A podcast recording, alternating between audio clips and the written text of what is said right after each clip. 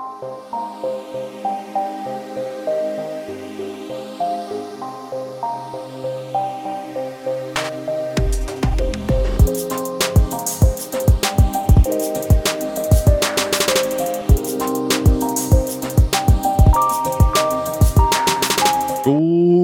Tidspunkt, og rigtig hjertelig velkommen til endnu en herlig episode af Noget om Film. Det er øh, desværre den sidste episode nogensinde af Noget om Film, men til gengæld dermed også den første episode af, hvad jeg tror, I synes er en meget bedre podcast, øh, Noget om Trolls. Øh, specifikt noget om Trolls World Tour, øh, nok 2020's mest ventede film, og ja, vi har snakket om det bag, bag kulisserne, så at sige, øh, og, og vi har bare besluttet, at der er ikke rigtig noget, der er vigtigere at tale om øh, i filmmediet lige nu, end Trolls World Tour.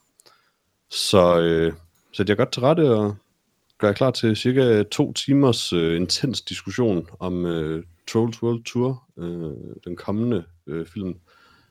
Nok den bedste film nogensinde, tror jeg. Allerede, jeg tør at sige. Peter, jeg er nødt til at stoppe dig her. Du ved ja. godt, at Trolls World Tour er udkommet, ikke? Men hvad? altså, det kom så sådan næsten en måned siden. Er den 10. april? Det her, det er den øh, sidste episode af øh, Noget om Trolls. Um, jeg, jeg føler mig snydt.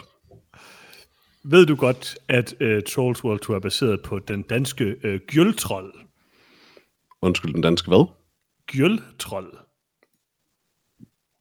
Nej. Vidste du ikke det? Okay, du er ikke den bedste vært på noget om uh, Trolls, Peter, det vil jeg sige. Uh, du ved godt, hvad en Gjøltrold er, ikke? Absolut ikke. Okay, så har, har du nogensinde set de der danske troldedukker? Men inden, inden, inden vi kommer for langt ind i, hvad øh, en gøltrold er, øh, ja. det kan godt være, det er et dumt spørgsmål der, men hvad er en trold? Hmm, det er faktisk et godt spørgsmål, Peter. Hvad er en trold? Har du ikke set Trolls 2? Hvad? Har du ikke set Trolls 2? Det har jeg. Jo, men jeg synes ikke, jeg fik svaret i den. Altså, så og vi er også enige om, at Trolls World Tour er træeren i uh, Trolls-serien, ikke? Altså Trolls 2 fra 1986, eller hvad det er, så den her. Det gik jeg ud fra, jeg gik ud fra det, derfor vi, mm. vi, vi snakkede om den. Jeg siger bare en gyldtrold, ikke? Det er en herlig opfindelse. Øhm, jeg Nå, gyldtrolden er det der forfærdelige legetøj, ja. Ja, er præcis. Øh, øh, lavet af Thomas Dam. Øh, den eneste i... ting, der er mere uhyggelig end trolderik. Ja, lige præcis. Han var, dan, han var en dansk uh, træsnitter og fabrikant, og han skabte uh, Gjøltrollen, uh, og der ved jeg, der, der, der kan du være chokeret jeg nu, men han skabte faktisk uh, Gjøltrollen ud fra sit eget spejlbillede. Og det er jeg ked af at høre. det er egentlig også. Øhm, jeg levede indtil 1989, øhm, og uh, altså, udover at de her trolde, de selvfølgelig er kendt fra klassikeren uh, Toy Story uh, 3, så har de nu også fået deres eget, deres eget filmunivers. Um, hvor den nyeste film er den her Trolls World Tour, som jeg øh, hørte øh, fra, jeg ved ikke om øh, du kan huske det, men øh, det var jo din mest ventede film i år. Øh, jeg mener, jeg er pre-puffet uh, Dune, umiddelbart. Ja, men, men det, jeg vil bare det, sige fra... Men det er okay har, at lave det om til fordel for den her. Jeg har jo bare fundet nogle citater fra dig, fra som jeg bare lige gerne vil læse op, da du så traileren til uh, Trolls World Tour, uh, hvor du siger, Øh, jeg tør ikke se filmen, altså Trolls World Tour, fordi mm. jeg er mhm. bange for, at jeg vil blive afhængig af trollene. Okay. Det lyder jo man ikke noget, som noget, jeg har sagt. Um... Nej, men det sagde du desværre øh, ved, vi er sikre på, at det ikke var 13 Lars. minutter inde i uh, Spencer Confidential-episoden, da vi så traileren til uh, Trolls World Tour. Okay, jeg vil gerne sige, det er fake news.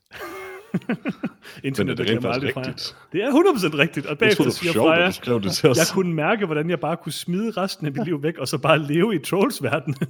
wow, jeg troede rent faktisk, det ikke var sandt, da du skrev Nej, det jeg har, jeg har fact-checket det. så, nice. øh, det er noget liberal media bias, som er i spil her. Øh. Det tror jeg også. Freja, det er okay at elske Trolls World Tour. Det var egentlig kun Peter, der var lidt... Altså, det er jo lidt underligt, når du nu er blevet vært på noget om Trolls, Peter. Øh, du så øh, egentlig var den eneste, der var lidt kritisk over for Trolls World Tour, dengang vi så traileren. Jamen, jeg... Hvad har gjort, at du har skiftet øh, sådan øh, hest? Jeg tror, jeg troede, det var den nye Avengers-film. okay. Ja, jeg det forstår rigtig ikke, hvor man kan se Trolls World Tour. Jeg er faktisk ikke helt sikker på, at man kan se Trolls World Tour nogle steder. Jeg ved ikke, om Trolls World Tour er noget, man ser som det, så meget, som det er noget, man lever. jeg lever det hver dag, det må jeg sige. Øh, Gøltroll er super uhyggelig. Øh, jeg kan også sige så meget som, at øh, her er en nyhed øh, fra Films.dk, øh, hvor øh, overskriften er, biografer erklærer krig efter Trolls 2 altså ikke den Trolls 2, men Trolls World Tour, succes, nægter at vise Fast 9 eller Minions 2. Trolls World Tour er blevet en så stor film at den øh, på øh, VOD, at den simpelthen øh, har, øh, har fået øh, øh biografgiganten AMC, øh, der over, ejer over 1000 biografer i verden, til at erklære krig mod Universal, fordi Universal har sendt den der film direkte på VOD. Hmm. Okay. Så vi, jeg, jeg tror, at Trolls 2 har, øh, øh, hvis ikke Trolls 2 har forus, øh, sådan, altså, øh, øh, foregrebet apokalypsen, så i hvert fald øh, biografernes apokalypse. Det er ikke, jeg har søgt stort set alle de uh, streaming tjenester, jeg kan finde, og det er ikke lykkedes mm. mig at finde en, en endnu, hvor man kan lege eller købe uh, Trolls World Tour. Så mm. jeg er faktisk en lille smule forvirret. Jeg tror kun, mm. man kan desværre kun se Trolls World Tour i, øh, i USA lige nu. Jamen, så er den jo heller ikke udkommet endnu. Du løg. Den havde premiere den 11. Øh, marts øh, i Indonesien. kom i Indonesien oh. først. Den er fordi biografen er stadig åbne. De elsker trolde. Mm. Uh, how to watch Trolls World Tour online. Everywhere you can stream the movie. Jeg undersøger det fra jer til dig. Det kan være, jeg kan finde ud af det. Ja, jeg tænker, jeg du skal søge på dansk, hvis du vil finde sted, du kan se den i Danmark. Ja, det tror jeg desværre ikke, man kan. Så jeg tror, vi må vente, men vi glæder os selvfølgelig meget. Det er derfor, at vi har besluttet at lave den her special episode, der kun handler om uh, Trolls World Tour, ikke Peter? Nej, jeg er allerede over it. Ah, okay, fair nok. Men øh, du har valgt nogle trailers til i dag. til noget om film i stedet. Øh, okay. men ja, øh, nej, jeg har ikke så meget fundet nogle uh, trailers, uh, blandt andet, fordi der ikke rigtig er nogen trailers at finde. Uh, der er så lige kommet en trailer til en dum interaktiv film med Kimmy Schmidt på Netflix. Den så jeg. Filmmediet er dødt. Ja, øh, den gider vi ikke snakke om, tænker jeg. Jeg vil lige gerne øh, høre, før vi går, Peter, du har fundet nogle forfærdelige ting. Øh, Freja, prøv at fortælle mig om den her trailer, du så. Den lyder bedre umiddelbart, den til Kimmy Schmidt. Den med Kimmy Schmidt? Okay, det er en film, Kimmy Schmidt, Unbreakable Kimmy Schmidt, men den er ligesom Bandersnatch. I'm out. Så dårlig. Tilbage til uh, Trolls World Tour, Peter. Uh, du har fundet nogle uh, featurettes. Men, men altså, er man Kimmy Schmidt? Du tager beslutninger for Kimmy Schmidt, ja. Okay, ja, så jeg du er ikke, du er ikke, Schmidt. Du er ikke inde i hende. Du ser ikke gennem hendes øjne. Er den en prequel? Det, det, nej, det er en sequel, som hmm. trækker lidt på nogle prequel setup ting. Uh, hmm. den, den handler lidt om, uh, okay, nu skal hun tilbage til, hvor hun kom fra, fordi der er nogle andre end hende, som måske stadig er i en bunker, og så skal hun redde dem. Og så skal man prøve at guide hende den rigtige vej, tage de rigtige beslutninger, og undgå at dø og sådan noget. Ja. Det er altid godt, når en tv-serie det er altid yes. godt, når en tv-serie gennem et par sæsoner har tabt lidt popularitet, vælger at lave en interaktiv film i stedet for en ny sæson, øh, og vælger at tilsyneladende genbruge dele af plottet fra første sæson. Altså Black ja. Altså, man siger, det har jo altid været, været, været det, der har været motivation for hendes karakter, det der, at hun har været fanget i, jeg ved ikke, hvad er det, 10 år eller sådan noget i, i en bunker med en sindssyg person, det... der har lyst som om verden gik under. Øh, Husk, faktisk det, der var en del af problemet med de efterfølgende sæsoner. ja, altså man kan sige, ja, altså, hun blev jo så mere og mere integreret i samfundet på et eller andet tidspunkt, så var det måske lidt ligegyldigt øh, yeah. baghistorie. Men ja, jeg, jeg så aldrig den sidste sæson, fordi jeg tror, den anden sidste sæson, at jeg sådan lidt kastede øh, håndklædet i ringen. Var sådan, jeg, jeg tror faktisk, jeg gjorde det samme. Jeg ved ikke helt, hvad det interessante er længere. Nej. Apropos nogen, det der med at se igennem øjnene på nogen, ikke? Mm-hmm. De værste spil, man kan spille, det er altså sådan nogle, hvor man sådan kan se bagsiden af øjnene på personer, når man er inde dem. Det er vildt uhyggeligt. Det kan jeg ikke lide. Øh, det um, tror jeg ikke, der er så mange af, umiddelbart. Jeg, jeg tror ikke... det der Kingdom Come Deliverance, det var sådan, det var bare hele tiden sådan, kameravinklen var lidt off, sådan, så jeg så mine øjenæbler, og det var vildt uhyggeligt. Jeg tror ikke, det var en feature, til gengæld. Det lyder ikke som en feature. Mm. Det er måske rigtigt. Det er muligvis rigtigt. Det, det skal jeg kunne. Det er i hvert fald uhyggeligt, det vil jeg sige. Så hvis uh, den her nye uh, Bandersnatch uh, Kevin Smith ting er lige sådan, så tør jeg ikke se Fornuftigt. Det uh, tror jeg godt, jeg kan afkræfte eller bekræfte, at det ikke er. Afkræfte eller bekræfte, det er lidt afgørende. altså af, afkræfte, at ja, whatever. I don't ja. care. Ja. Unbreakable Jamen, øh... Kimmy Schmidt, øh, den interaktive film, er både ligesom Bandersnatch og ikke ligesom Bandersnatch. I hvert fald indtil vi ser den, slash prøver den. Ja. Men så i hvert fald et par valg, hvor øh, det ene af dem var, de døde, fordi de ventede for længe på en Uber eller en Lyft. Eller mm. eller Vent, vent, vent. Så det var valget. Det, det var det, man kunne, man kunne vælge. Vi venter man kunne vælge at gå videre. Vi venter, eller vi dør. Vent øh, 400 minutter, hvilket gjorde, at de blev til sådan nogle skeletter. Okay, så det var ikke sådan, så det var dog punchlinen bagefter. Det var ikke sådan, at det var integreret i valget, inden du, inden du faldt. Det er man til et skelet, hvis man står stille i 400 minutter. Ja. Vil du gå til venstre og gå ind i grotten, eller gå til højre og gå ind i skoven og dø? Nå, pis, undskyld. Øh, Oh man, jeg skal snart genspille det der Bear Grylls noget på Netflix. Det var rimelig godt. Spillede du? Jeg tror, det var Lars, der fik prøvet det. Nej, jeg har også prøvet det, øh, men jeg, jeg kunne ikke komme videre for anden episode. Det var for svært for mig. ja, jeg tror, Johannes prøvede at blive ved med at dø det samme sted igen og igen, hvilket er lidt. Det var mærkeligt med den der svamp, øh, swamp, undskyld, ikke svamp, øh, der var sikkert også svamp, men øh, der var sådan en swamp, jeg- det var mærkeligt, jeg døde hele tiden. Jeg skulle nok have taget kniven med i stedet for, øh, hvad var det, myrespray eller eller andet. Men øh, i denne episode af Noget om Trolls, der skal vi selvfølgelig tale, inden vi kommer til vores øh, anmeldelse, øh, mm. som måske, måske ikke er Trolls World Tour. Øh, det er det ikke. Øh, så skal vi selvfølgelig tale om et Fordi par man kan ikke frem- se den i Danmark. Præcis. Øh, ellers så havde det været. Ja. Øh, men vi skal selvfølgelig tale om et par fremragende videoer, jeg har fundet på YouTube, øh, når nu der ikke var trailers.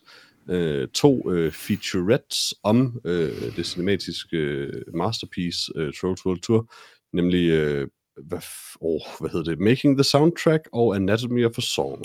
Altså, jeg, Peter, prøv at høre, er det ikke lidt den samme video? Jeg har hørt dig forklare Jeg var sådan- Just Sing sang 100 gange, og jeg har forstået, fald- at Mary J. Blige er med. Der er fald mange klip, der går igen i begge de to videoer. øh, men jeg vil sige, at den ene video havde lidt mindre Justin Timberlake, og var dermed nok lidt bedre. Øh, og den anden video var sådan 90% Justin Timberlake, der var sådan lidt weird.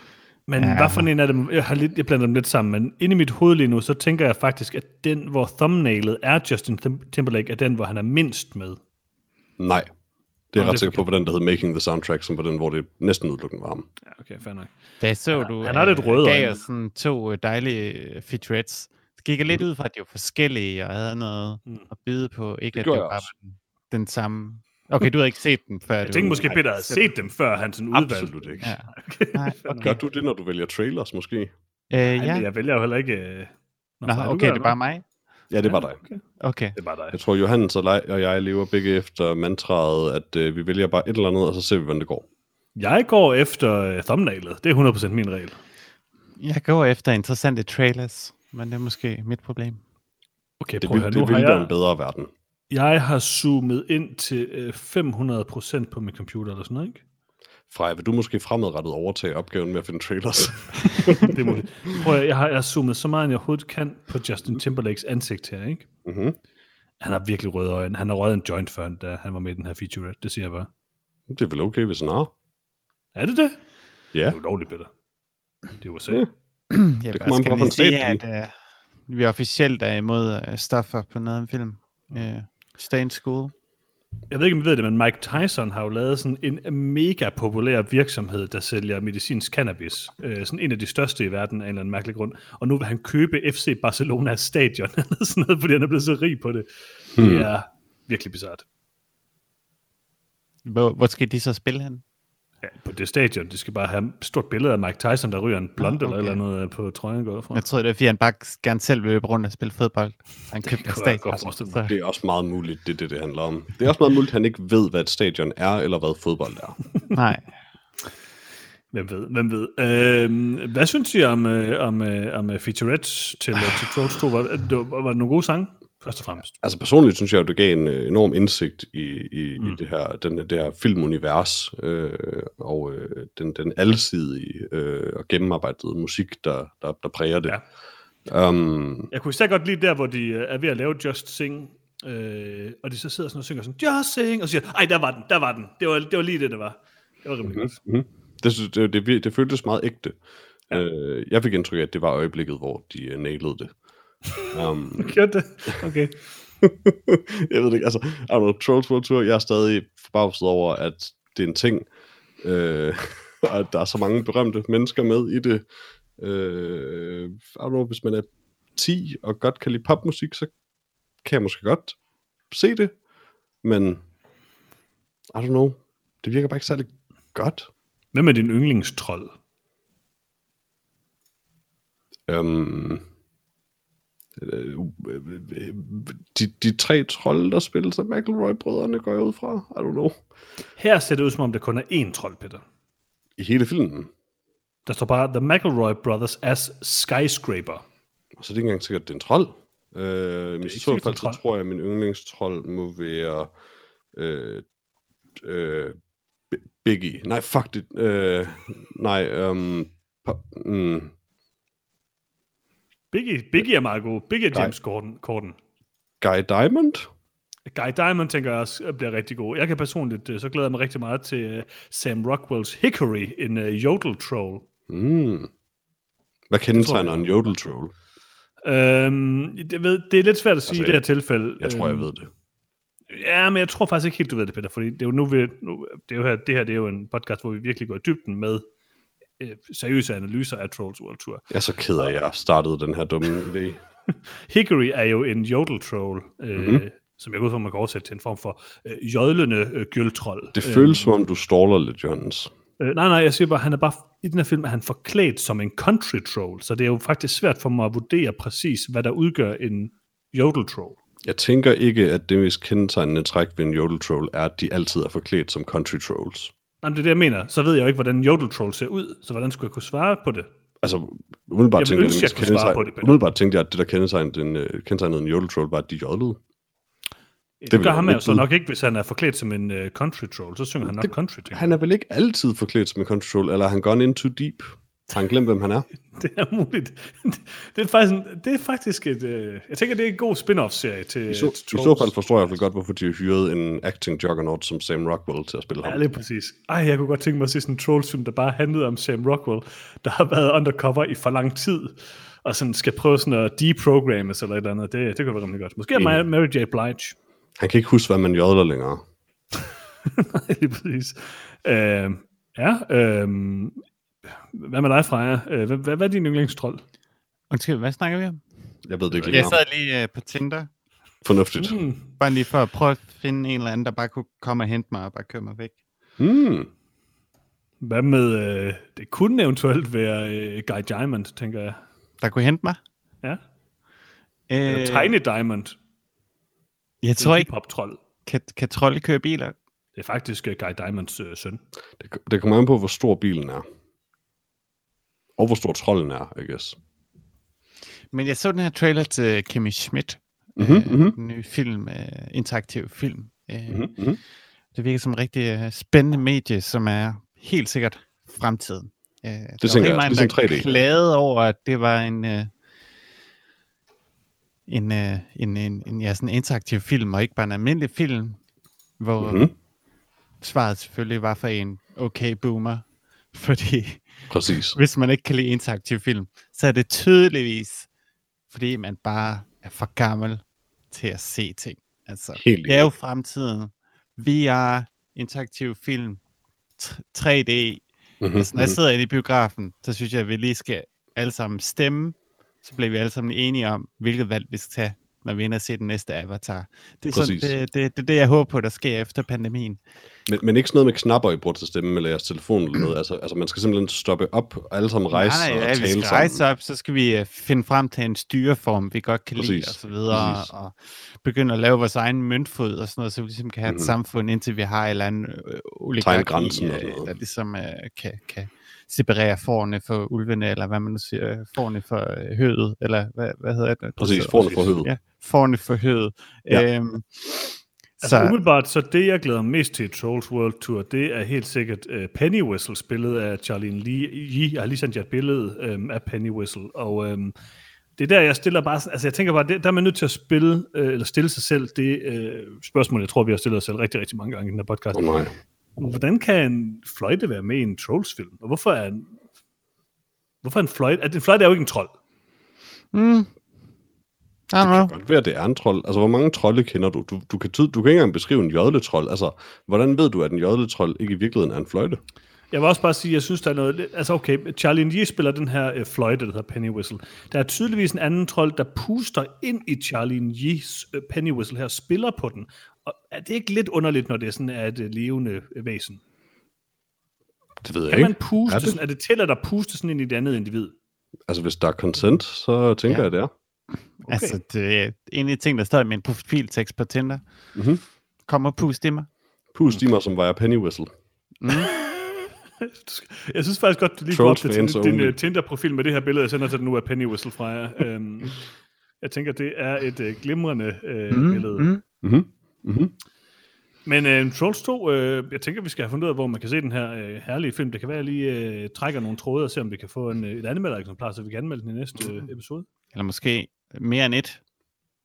Nej, nej, kun Nej, et. ved du hvad? Jeg synes faktisk, er et er en rigtig god idé. Og så Vi det laver last. en, uh, vi laver en, uh, en uh, karantæne-party, hvor vi ser Trolls World Tour. Det synes jeg er en god idé. Og jeg tænkte mere, at øh, vi bare fik Lars til det. Mm. Altså, Lars vi- var jo faktisk ret hugt på Trolls World Tour. Præcis. Er vi reelt sikre på, at Trolls World Tour ikke kører i de danske biografer? Er der nogen, der har været hen og tjekke? Der er ikke nogen danske biografer fra jer. Hvordan ved vi det? De, de viser bare Trolls World Tour på repeat, og forstår ikke, hvorfor der ikke er nogen, der dukker op. Hvorfor er der ikke nogen, Altså- der kommer og ser den her herlige film med Timberlake? Vi har så Jeg må, sige, jeg må sige, at jeg har ikke, øh, jeg har ikke været inde ved en biograf, siden det alt det her, det skete, for at Præcis. tjekke, om de spiller Trolls World Tour hele tiden. Det er Præcis. muligt, at der er sådan en ansat tilbage, som bare går helt amok. Øh, Jeg kan også godt lide, at oppe i toppen af Wikipedia, der er der nødt til at være sådan en lille øh, øh, ting, øh, før at den begynder at beskrive Trolls World Tour, hvor der står sådan, det her det er ikke den film, du tror, det er. Hvis du gerne vil se en øh, side om den klassiske film Troll 2 fra 1990, så skal du gå herhen. Hvordan skulle man være landet på Trolls World Tour i forsøget på at finde Troll 2? Fordi hvis man søger på Trolls 2, så, kommer, så er det rent faktisk den her film, man kommer hen på nu.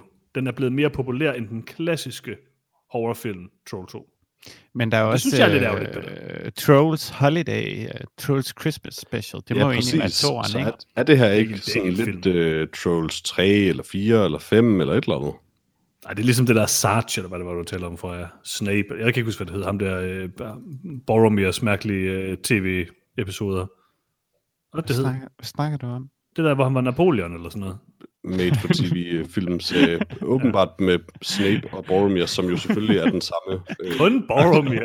Jeg kan bare ikke huske, hvad det hed, det der Sarge, eller sådan. Hvad hed det fra? Ved Sergeant Snape fra Gondor. Harry Potter, Lord of the Rings crossoveren var simpelthen bare det bedste. Mm-hmm. Ja, 2005, det var et godt år. Ah, det var det Jeg virkelig. tænker, vi, øh, kan vi ikke slutte vores uh, Trolls World Tour gennemgang med øh, bare at øh, huske Lars' klassiske ord. Jeg kan huske Who Let the Dogs Out, ergo er det her en god film. Jo, Hæ? så længe vi var. Jeg er ked af, at jeg gjorde det her. Ja, Peter, det er vi. Jeg føler, jeg har forpestet noget smukt. Det er vi alle sammen. Men øhm, er, er det, du siger, at vil du nedlægge podcasten om Trolls? Det tænker jeg, det er det, det, er det vil øh, fremadrettet blive husket som den første og heldigvis sidste episode af podcasten Noget om Trolls. Okay.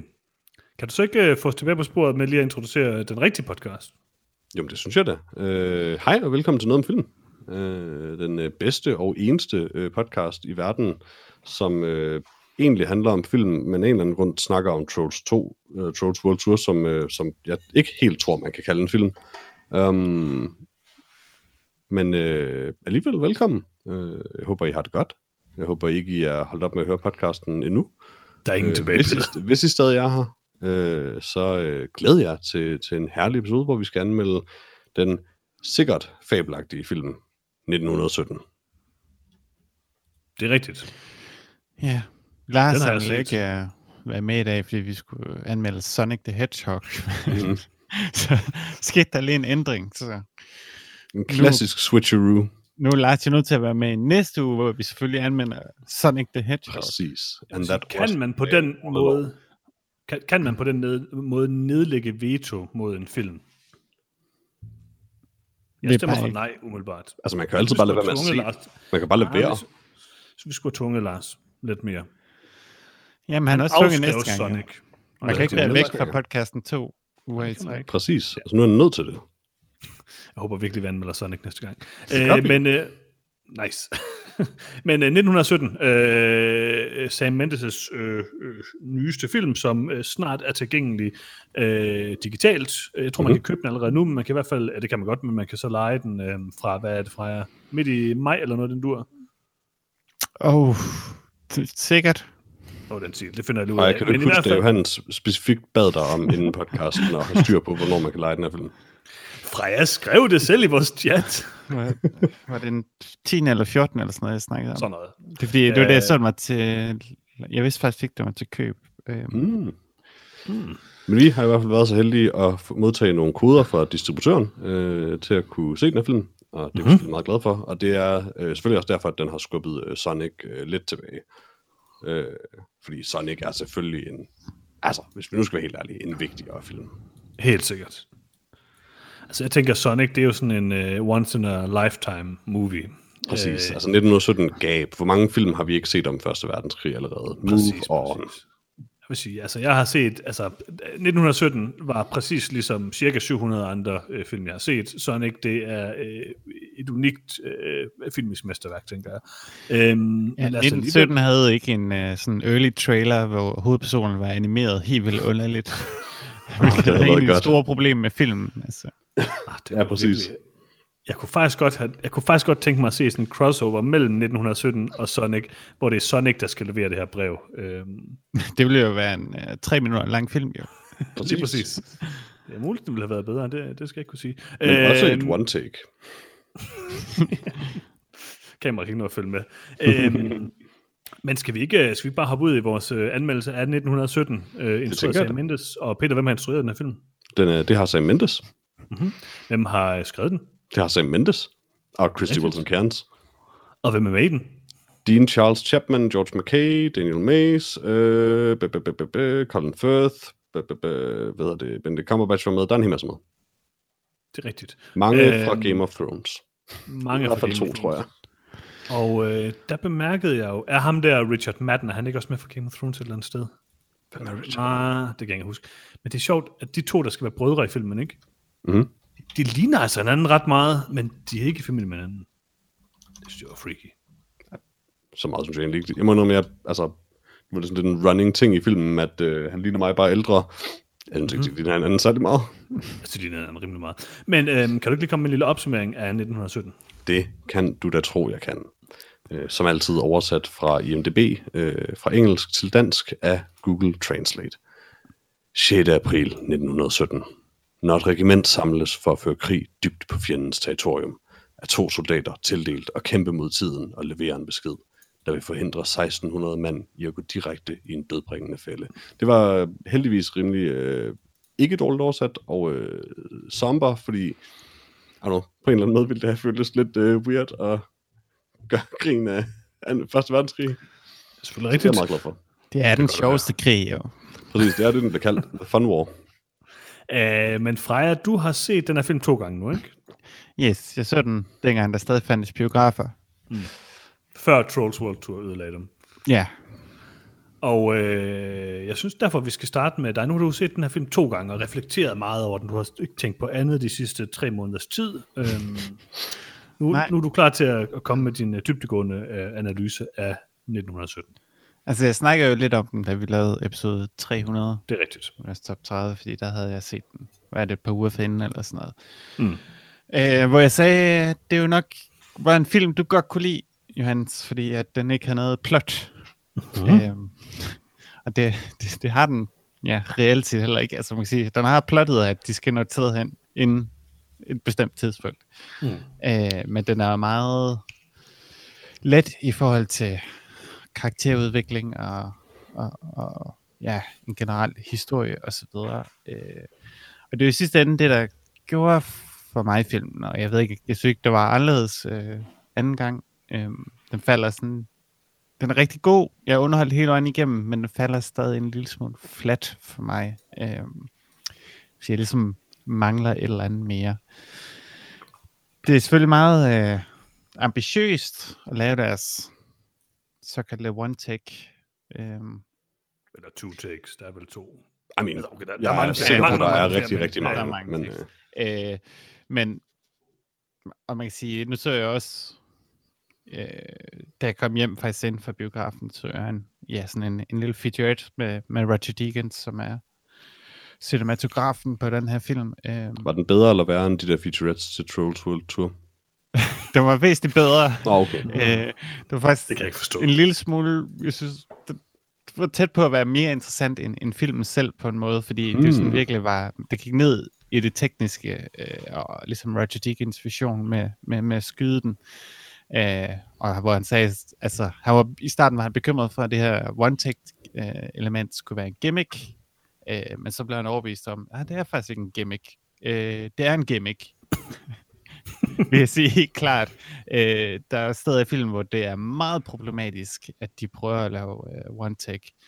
Øh, for eksempel der, hvor han, en af vores hovedpersoner er nede i en flod, og ja, som alle ved, så skal man for det som for alt i verden undgå at skyde nær vand, fordi det er et helvede, og især når man putter en skuespiller i vand, så er det både farligt, og der er rigtig mange ting, man ikke gør, øh, så man kan kun få meget korte tekst, det betyder, at hvis man laver en one-take-film, så skal man have en sten til at komme forbi skærmen sådan hver, hver 10. sekund, som bare, øh, det stikker i øjnene. Øh, især da jeg så den i biografen. Det er bare sådan en kæmpe sten, der ligner CGI, øh, hvilket jeg ikke helt ved, om det er eller ej. Øh, Jeg går ud fra, at der er noget CGI hen over den for at skjule, at hvad der nok, altså, hvad der nok ikke er en sten.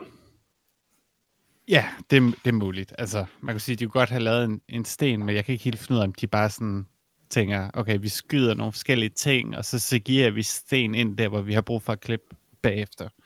Øhm, men der er det i hvert fald meget tydeligt, at den her one-take-ting ikke fungerer, men jeg synes, den fungerer 80% af tiden, øh, da det er rigtig teknisk imponerende, og er med til at bringe ind, ind i, i den her situation, og få det til at virke ekstra farligt, men øh, der er bare de her steder, hvor fordi de ikke kan klippe frem og tilbage mellem personer, så er fjenderne nødt til at være meget tæt på, hvilket skaber den her underlige stormtrooper-effekt, hvor ingen af tyskerne kan finde ud af at ramme noget som helst, på trods af, at de er 5 meter væk.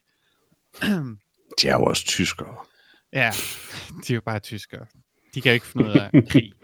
Uh, så, så i sidste ende kommer til at være uh, rent produktionsmæssigt en film, der virkelig virker ekstremt realistisk, men fordi at den virker sådan lidt tegnefilmsagtig i selve interaktionen mellem karaktererne, så kommer den til at virke urealistisk på den front, og det synes jeg er lidt ærgerligt. Der, der, der er mange steder, hvor jeg vil have, have foretrukket, at de var gået væk fra den her øh, one-shot-idé, øh, mm. bare for ja. at skyde det mest muligt interessant. Øh. Men altså, som sagt, da jeg, da jeg så den biografen, jeg, altså, der var ikke noget på tidspunkt, hvor jeg, hvor jeg sad og havde følelsen af at kede mig. Øh, det var sådan, okay, nu er den slut. Jeg havde en good time derinde, og, og den, det er selvfølgelig en film, der, der gør sig rigtig godt på, øh, på den store skærm, øh, også med, med gode højtalere og så videre. Som mm-hmm. de fleste krigsfilm jo vil. Ja, der er et par uh, sådan uh, jump scares, eller hvad kan man sige, det er jo ikke sådan en gyserfilm, men der er sådan et par, uh, nu går vi fra helt stille til ekstrem høj lyd, uh, og mm. det kan jeg godt forestille mig virker sådan ret effektivt i en biograf. Altså, jeg vil sige, uh, jeg kan godt forstå, hvorfor du uh, siger, at det er en film, jeg vil elske, i og med, der ikke rigtig er noget, altså der er jo sådan et meget, meget simpelt plot, uh, men at det er sådan en, en, en film, der ikke eksisterer for sit plot, men eksisterer for hele sin, sin filmiske oplevelse. Mm. Eller måske rettere, så det er en film, der kun har et plot. Altså, den har ingen baggrundshistorie, ingen karakteruddybning. Den har bare sit, det her den har en det præmis, handlingsforløb, den, har den en skal præmis, igennem. eller sådan noget. Altså, den har en idé, og altså, jeg vil bare sige, altså, for, jeg er meget enig med dig fra, jeg tror, jeg, i den, jeg synes også, du var ganske udmærket, men jeg vil dog sige, jeg synes, det er sådan en, øh, det, er et, det, det er nok det mest ekstreme eksempel, jeg har set på sådan øh, stil over substans på mange måder. Altså, Mm. det er på stort set alle tænkelige måder bare en sådan en eksercits i, hvor god Roger Deakins er, og han er sygt god. Han er en af de by far de bedste cinematografer i verden, Ja. og har lavet de fleste af Dennis Villeneuve's øh, film, og øh, en masse andre fantastiske film. Øhm, og jeg synes, den her film er helt vildt flot på rigtig mange måder, sådan teknisk. Jeg er ikke sikker på, at jeg synes, at æstetikken altid fungerer, men der er øjeblikke, hvor det går op i en højere enhed. Jeg synes helt sikkert, at den bedste scene for mig er den her lidt øh, syrede Apocalypse Now-agtige ting øh, i byen øh, om natten. Men den havde jeg faktisk lidt problemer med, fordi øh, jeg synes, det gik hen og blive, blev sådan lidt øh, kontrapuntisk i, i forhold til musikken. Fordi det var ligesom om Mm. musikken, den passede helt vildt godt til billedet, udover vores hovedkarakter, som var nødt til at være med i billedet, hvor han ligesom løb rundt og sådan noget, som, som ikke passede til musikken. Ja, men det er egentlig også meget enig i. Jeg synes bare ikke, det var heller ikke nødvendigvis sådan hele sekvensen, jeg synes var god, men lige starten med det her sådan timelapse. Jamen det er også der, der er det her, øh, øh, den her musik, som jeg ikke helt Oh, det kunne jeg rigtig godt lide. Det kunne jeg rigtig godt lide. Øh, Øhm. fordi det er jo også meget sådan uh, Apocalypse Now, uh, Ja. der ved broen og så videre, men der er det jo der ser man stort set ikke karakteren, der ser man, Mm. man kan sige, området, øh, og det ville også fungere meget bedre for mig her, hvis det var sådan, okay, man så byen, man så fokuseret på skyggerne og havde den her musik, og skabte en stemning, øh, men på grund af det valg, de har taget i forhold til one shot, så er de nødt til at have karakteren med hele, hele vejen. Øh, og ja, det, det virkede ikke helt for mig. Nej, altså jeg synes, det var, jeg synes bare, det var flot, tror jeg. Øh, Jamen, det var det også. Det, det, det så Øh. godt ud, og at det var det mest interessante i filmen på en eller anden måde. Jeg vil sige, for mig var det det her... Jeg tror, der er to ting for mig, og det, det kan man jo så mene om, hvad man vil. Men et, jeg er meget lidt interesseret i krigsfilm generelt. Det, jeg, kan- der er nogen, jeg virkelig elsker, og som, altså sådan noget som Apocalypse Now, synes jeg er super god, men det er jo også, fordi der er meget mere på spil, end bare det, at det er en krigsfilm. Det er også sådan en øh, study of the human condition, eller sådan noget, ikke? Altså, det, mm. det er jo sådan en kunstfilm på mange måder, og det er det her bestemt ikke. Altså, det her, det minder mig by far af alt helt sikkert mest om at spille Call of Duty, eller sådan noget, og det lyder måske lidt åndssvagt, men jeg synes virkelig, det minder om at spille Call of Duty. Det er Det, meget, det, det meget, indrømme, det synes jeg lyder lidt åndssvagt, når nu den her film forsøger at fokusere på det menneskelige og tragiske i krig, og ikke at glorificere det. Nå, men det er ikke så meget det. Altså, det gør det nye Call of Duty jo 100% også. Ikke de gamle Call of Duty, men der var, for, der var det her World War II for øh, tre år siden, eller hvad, to og et halvt år siden, eller sådan noget. Det var 100% det her, den prøvede. Og ja, I mean, you're selvfølgelig er still det shooting people, though, og det er ikke rigtigt det, der er fokus her. Nej, nej, men det er meget den samme kameraføring, det er meget de samme ting og sådan noget. Altså, jeg siger ikke, at, at, at de er en til en det samme, men der er mange lighedspunkter, og selvfølgelig er det her meget, meget bedre end det, og selvfølgelig prøver det også på mange måder at udstille krigens, eller fremstille krigens redsler på en forfærdelig måde, og det gør, kan man vel også sige, Call of Duty gør. Det er i hvert fald det, de forsøger på. Øh, jeg synes bare ikke, der var noget specielt. For mig var det ikke super duper interessant, det her one take, øh, og jeg synes ikke, der var noget i hverken plot eller historiefilm, der gjorde det sådan, øh, der løftede, eleverede det til andet end en krigsfilm for mig. Men den var god, solid, underholdende, flot. Øh, på ingen måde noget, jeg vil huske i længere tid. Nej.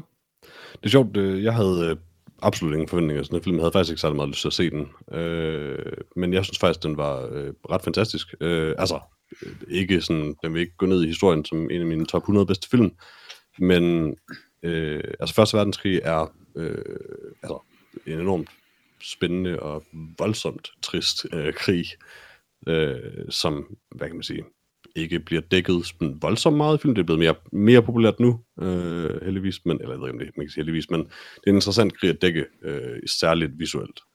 Um, og jeg synes, valget om at lave en film, der netop har meget, meget lidt plot, generelt er meget minimalistisk, um, og så bare sige, at det vi fokuserer på er at vise, hvad kan man sige, øh, altså Europas skønhed og krigens øh, redsel på en eller anden måde, gennem den her unge mand. Det synes jeg er et, øh, et smart koncept. Øh, jeg, jeg, jeg, synes, altså jeg kan godt lide den her slags film. Jeg synes, det er ikke fordi, jeg er sådan, øh, har sådan boner for, hvad kan man sige, one-take-film. Jeg er for den sags skyld ligeglad med, om ting er egentlig one-takes eller ej. Altså det, det er et æstetisk udtryk, men jeg synes, det udtryk fungerer for den her film. Øh, jeg forstår godt, hvorfor de har valgt det, fordi det er bare, hvad kan man sige, pacingen styres af karakteren på en eller, en eller anden forstand.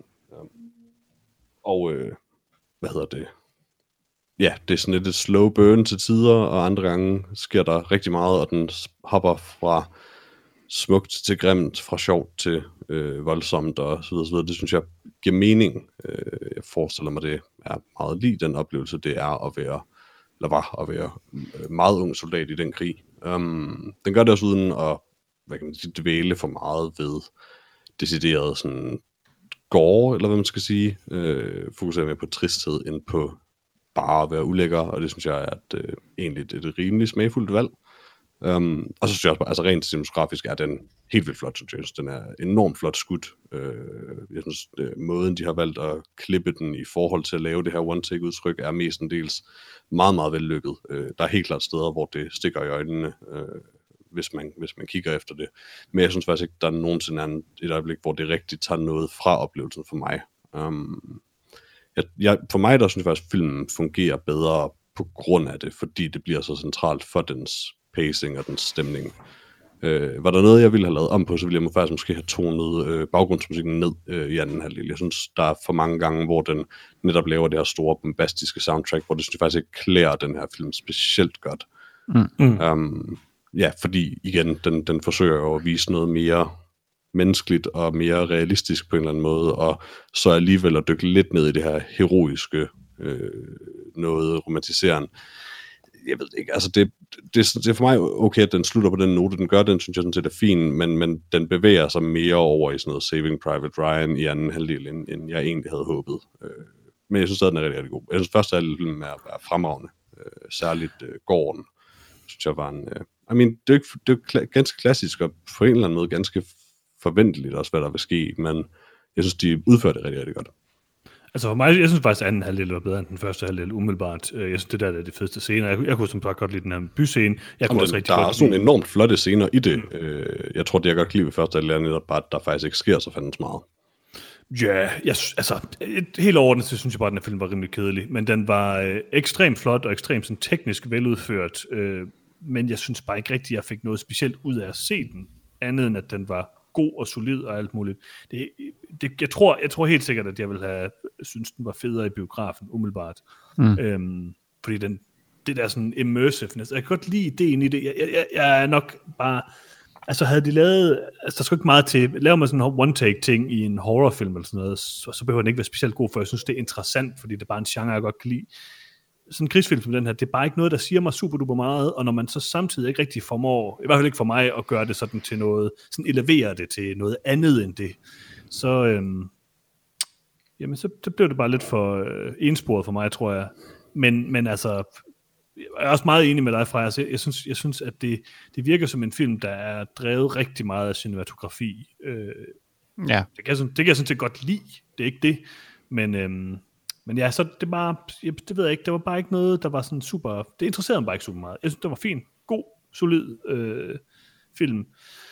Men nu anmeldte vi, øh, øh, hvad var det nu, den hed, Le Mans 66 i sidste uge, hvor at, øh, vi to, begge to sagde fra det her med, at hvis du var en rigtig god film, der så den, og så glemte vi alt om den dagen efter og sådan noget. Det er, det er ikke sådan, jeg har det med den her. Øh, jeg synes, at Le Mans var en stærk film, havde en god historie, havde en rigtig, havde meget sådan en masse gode ting i sig, hvor at øh, den bare overordnet set ikke sådan, altså det var bare en, en solid film. Det her, det er sådan en film, der gør én ting ekstremt godt, og så resten af tingene, synes jeg egentlig ikke er specielt gode. Øh, og det, den så gør ekstremt godt, er sådan måske lige nok til at holde interessen ved lige for mig, men heller ikke, heller ikke mere end det.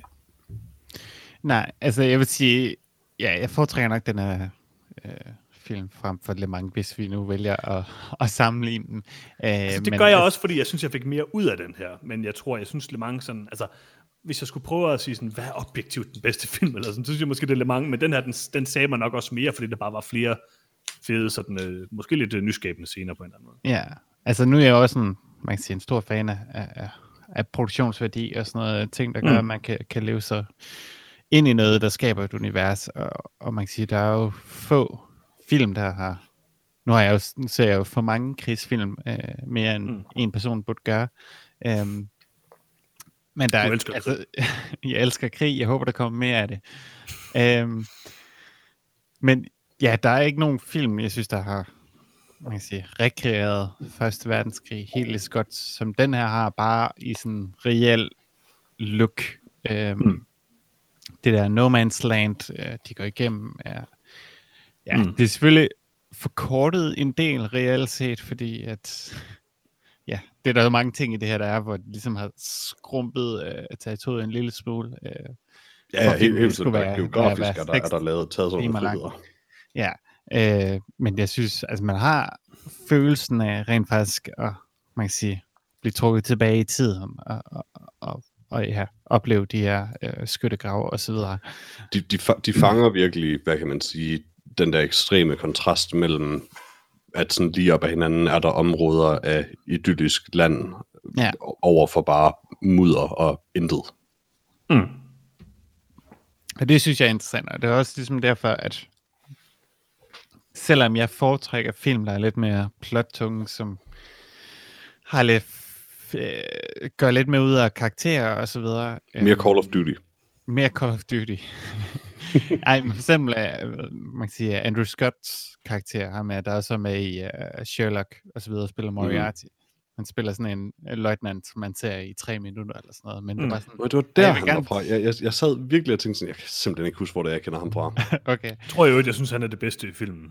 Jamen, det er det, også jeg havde lyst til at bruge mere tid sammen med ham, men det, det er ikke det, den her film er, er, interesseret i at gøre. Øh, og vores to hovedpersoner er reelt set ikke sådan super interessante. Øh, og de har ikke rigtig, man kan sige, der er måske en lille karakterark, men heller ikke sådan øh, noget, noget det er der, ikke så der meget film. hænger Altså, jeg kan sagtens forstå den kritik, men det er jo ikke så meget film. Det er jo, jeg, jeg tror mere, det er filmens pointe, at de netop ikke er det. Altså, det her, det er bare to almindelige, sikkert rimelig well-off engelske unge mænd.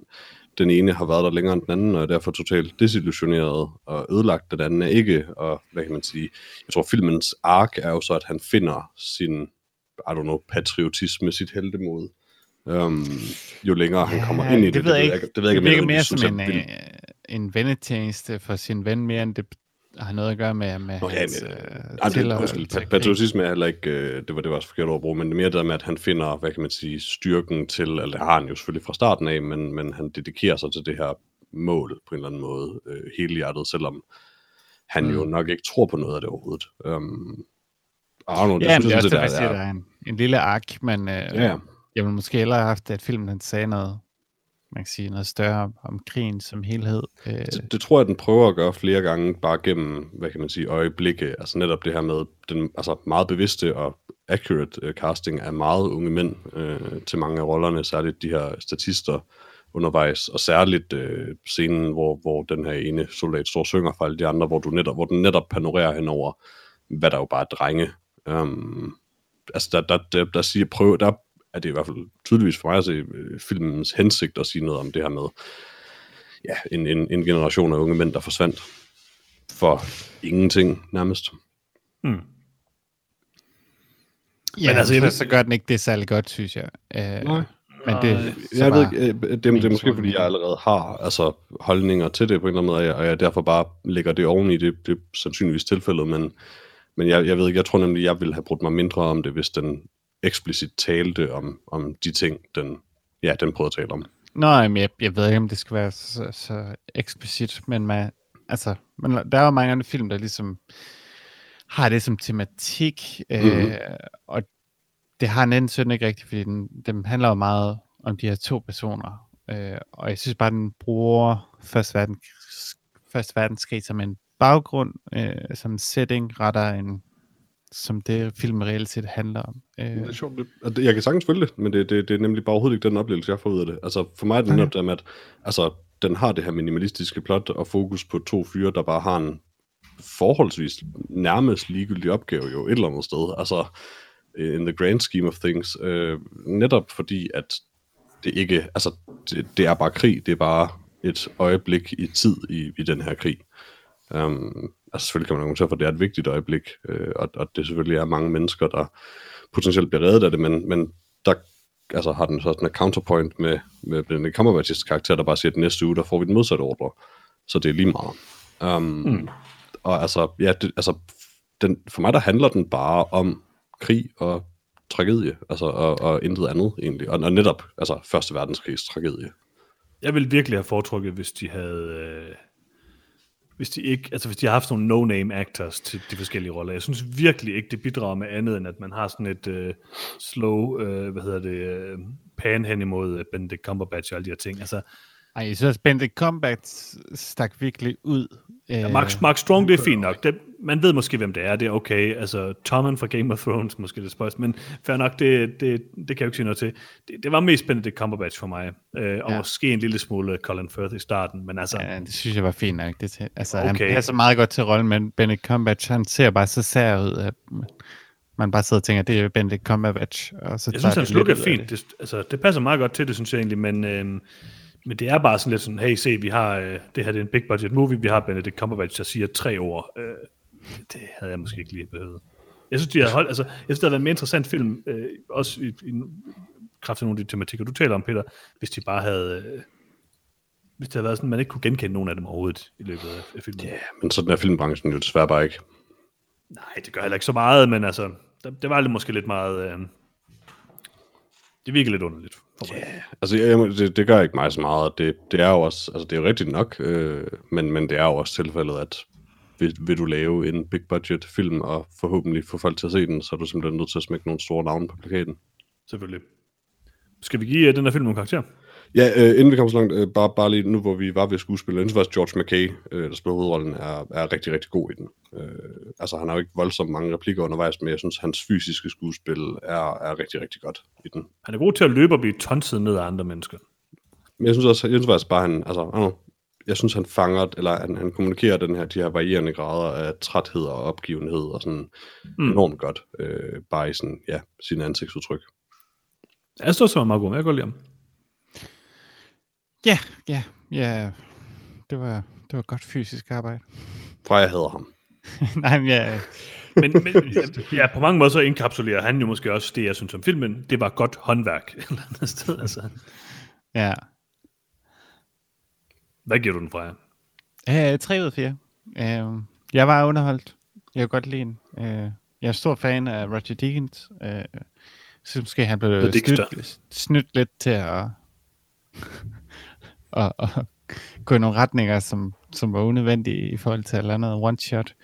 Øh, men især når man ser de bag om kameraet ting. Jeg kan ikke huske, om der er en eller anden ting for Rotten Tomatoes eller sådan noget, jeg så, men det var, det var rigtig interessant også det der med, ja, den her by, med de der, hvor de der lyskejler kommer op, øh, flares, mm. hvor de også sådan, ser man, at de bare byggede den her lille model af byen også, øh, med alle de små ruiner, øh, for ligesom bare at lege med lyset og se, hvor det kommer hen og så videre.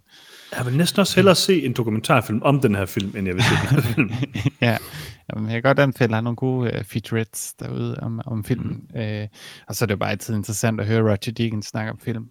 Um, men ja, i sidste ende kan jeg godt lide den her. Uh, jeg ved ikke, om jeg vil komme til at se den igen, hvis vi ikke skulle anmelde den. Uh, men ja, det var, det, det, var, det var fint at, at se den igen. Uh, den, den er meget god. Uh, for nogen vil den være et mesterværk, og for andre vil den sådan være lidt kedelig. Men for mig er det en 3 ud af 4. Mm. Altså for mig er det også indbegrebet af 3 ud af 4. Solidt håndværk. God film. Primært øh, meget, meget, meget flot teknisk film. Øh, så jeg var... Øh, jeg kunne godt lide den. Jeg var ikke super investeret i den, men øh, god solid film. Ja, øh, jeg tror ikke, mere overskud over det her end mig, men øh, for mig var den øh, en enormt stærk oplevelse. Jeg synes, det er en, en super flot film, enormt velkonstrueret. Øh, den, den nailer for mig det, den prøver på, og øh, jeg, vil, jeg, jeg kan varmt anbefale den. Øh, og nu, for mig, der, den minder mig sådan lidt om stemningen i, ja, det ved jeg ikke, krigssekvenserne af Slaughterhouse 5, og det er en underlig sammenligning på en eller anden måde, men der er bare lidt den der samme, det samme fokus på sådan alle de måske mindre glamourøse ting i krig, og mindre interessante ting i krig, og bare stemningen. Øh, og nu, det, det, det er lidt tankerne hen på det for mig, og det synes jeg fungerede rigtig, rigtig godt. Mm. Cool. Så du giver den? Undskyld, 4 4, det troede jeg, jeg havde sagt. Okay. Jamen Peter, du er jo vært i den her episode af Noget om Trolls, så vil du ikke føre os videre gennem øh, teksten? Det kan jeg da godt. Øh, så tænker jeg jo, at vi skal videre til vores næste segment. Øh, mit egentlige øh, foretrukne segment, øh, mm. på trods af fake news, der vil sige øh, en masse andet. Øh, mm. Men øh, det er selvfølgelig segmentet, hvad vi har set siden sidst. Øh, Ja. Og jeg tænker, at vi kan starte med Johannes. Johannes, Det kan, det kan vi da. Tak Peter, tak Peter, tak for at du lige må, må komme til ord. Tak, tak Peter. Ja, Johannes. Ja, ja hvad har du Peter. set siden sidst? Nå, ja, ja, tak, tak, tak fordi du lader mig øh, på den måde øh, komme til ord og, og, Johannes, og nævne de ting. Ja, hvad har du set siden sidst? jeg har set, øh, hvad har jeg egentlig set siden sidst? Ah, Jamen, jeg har set lidt af hver. Jeg er startet, øh, jeg er gået lidt all in på, øh, jeg kan godt lide at samle på film, men jeg har været lidt tilbageholdende med sådan at samle digitalt på film. Mm-hmm. Jeg gået lidt all in på at finde, øh, få alle mine, mine øh, favoritfilm på, øh, på øh, øh, ja, det er jo ligegyldigt, hvad for en butik det er, men øh, en, en butik af en stor amerikansk udbyder, øh, der laver øh, telefoner mm. og sådan noget. Øhm, Mm. mm. Fordi øh, i stedet for at have alle mine Blu-rays liggende, eller det har jeg selvfølgelig stadigvæk, men jeg får dem jo aldrig set. Så øh, jeg øh, var inde og købe lidt forskellige ting, og da jeg var ved selvfølgelig at købe en masse Dennis Villeneuve-film, øh, som Freja selvfølgelig vil sætte pris på, Denny? så Dennis øh, Villeneuve, øh, så, øh, så, jeg, så købte jeg øh, lige også hans øh, kortfilm fra 2008, der hedder Next Floor. Kan man købe den? Den kan man nemlig købe. Øh, 25 kroner, tænker jeg. det er fint. Jeg havde måske ikke lige helt set, at den kunne have varet 10 minutter, men øh, så så jeg den, og øh, jeg ved ikke, om jeg har hørt om øh, Next Floor. minutter. Ja, det var nogle dyre minutter. Øh, det er en lille øh, øh, kunstfilm, hvor øh, jeg tror, øh, vores øh, kære øh, tidligere medvært, øh, Gussi, vil sætte stor pris på den her film. Den er helt tydeligt inspireret af Le Grand Buffet. Er Mr. Harry Øh, Potter med den? Øh, Det er han ikke. Øh, Okay. Det er, nu- det er no-name, no-name actors der, Peter. Men mm. Mm. øh, basically er der et, øh, et stort øh, rum, øh, hvor der sidder en masse mennesker, øh, der øh, ser sådan lidt udklædt ud af nogle generaler og nogle forskellige folk, fine folk, der sidder og spiser en masse svad. Og øh, de sidder bare og guffer maden i sig, og så lige pludselig sker der noget underligt. Og så tror jeg ikke, jeg skal afsløre mere af den, fordi den er kun 10 minutter lang. Mm-hmm. Hvad for noget mad spiser de? Uh, de spiser mange forskellige ting, og det er også noget der udvikler sig over tiden. Øh, Det ser Mm. ulækkert ud, det ser øh, lækkert ud, og det er en god kombination af det hele. Det er en meget Kan du, kan du bare lige øh, fremhæve en enkelt ting, de spiser? duer, næsehorn, øh, Det var, det var, det var mange. hjerner, øh, Mm. mm. mange ting. Øh, de guffer det i sig, Peter. Øh, jeg vil sige, det, jeg synes, det er en rigtig fin kortfilm. Øh, der, hvor øh, min gode ven Dennis, øh, han er typisk rigtig god, det er måske også tit i noget af det usagte. Og den her øh, øh, kortfilm er meget sådan on the nose med vores øh, kapitalistiske øh, konsumering. Øh, det er måske en lille smule øh, ja, on the nose. Men øh, stadigvæk en interessant lille kortfilm, som man øh, kan hygge sig med, hvis man har øh, købt den for 25 kroner, som jeg har. Nu kan jeg se den tusind gange, men jeg kommer nok aldrig til at se den igen. Og hvor var det, du købte den, sagde du? Um, en stor amerikansk udbyder, der laver telefoner. Mm. Okay. Øhm, Okay, det var på Apple TV, men altså. Nokia. Nå, fuck. Okja. jeg købte den ikke på Okja, den klassiske øh, online-butik. Nokia. Nå, Nokia. Huawei? Nej, det gør jeg ikke. Øhm, nej, det tænkte jeg ikke. Jeg har en Apple TV. Jeg tænkte, jeg kan lige så godt have en lille filmsamling der. Jeg bliver virkelig sur, hvis Apple engang bare sådan siger, nu kan du ikke have din film mere. Altså, når det sker. Ja, når det sker. så jeg håber, vi stadig laver podcasten der, så jeg kan rant lidt om det, eller sådan noget. Men Peter, Ja. ja. du er vært. Før os Ja, videre. det er. Øh, Freja, hvad har du set siden sidst? Jeg blev færdig med at se Community igen. Oh. Det er Og jo, der er ham der, Josh McHale, ham kan jeg ikke lide. Mm-hmm. ja, det er jo på Netflix. Uh, det er stadig lige så godt. Uh, ja. Uh, så det vil jeg ikke snakke mere om. Uh, jeg vil helt klart anbefale folk at se Community. Den Og så kan vi, bedste, øh, bedste sitcom. Så kan vi segue over i, hvad jeg har set siden sidst. For det eneste, jeg har set siden sidst, det er Community på Netflix. Okay. Så, så må du tale lidt om Community. Øh, jeg har indtil nu kun set det af Community, jeg allerede havde set, hvilket vil sige øh, sæson 1, 2 og 3. Altså, jeg, jeg mangler teknisk set to episoder af sæson 3, men jeg er ved at være ved vejs ende. Um, sjovt nok, mere tilfældigt end noget andet, så så jeg aldrig... No- jeg så, dengang det kørte sæson 3 færdig, uden helt at opdage, at der skete noget, holdt jeg bare op. Øh, jeg ved ikke, om jeg dodgede en bullet eller hvad, men det var først senere, at jeg sådan fandt ud af, oh god, this went to shit. Um, Ja, og øh, jeg er gruer lidt for lidt- at komme videre i det.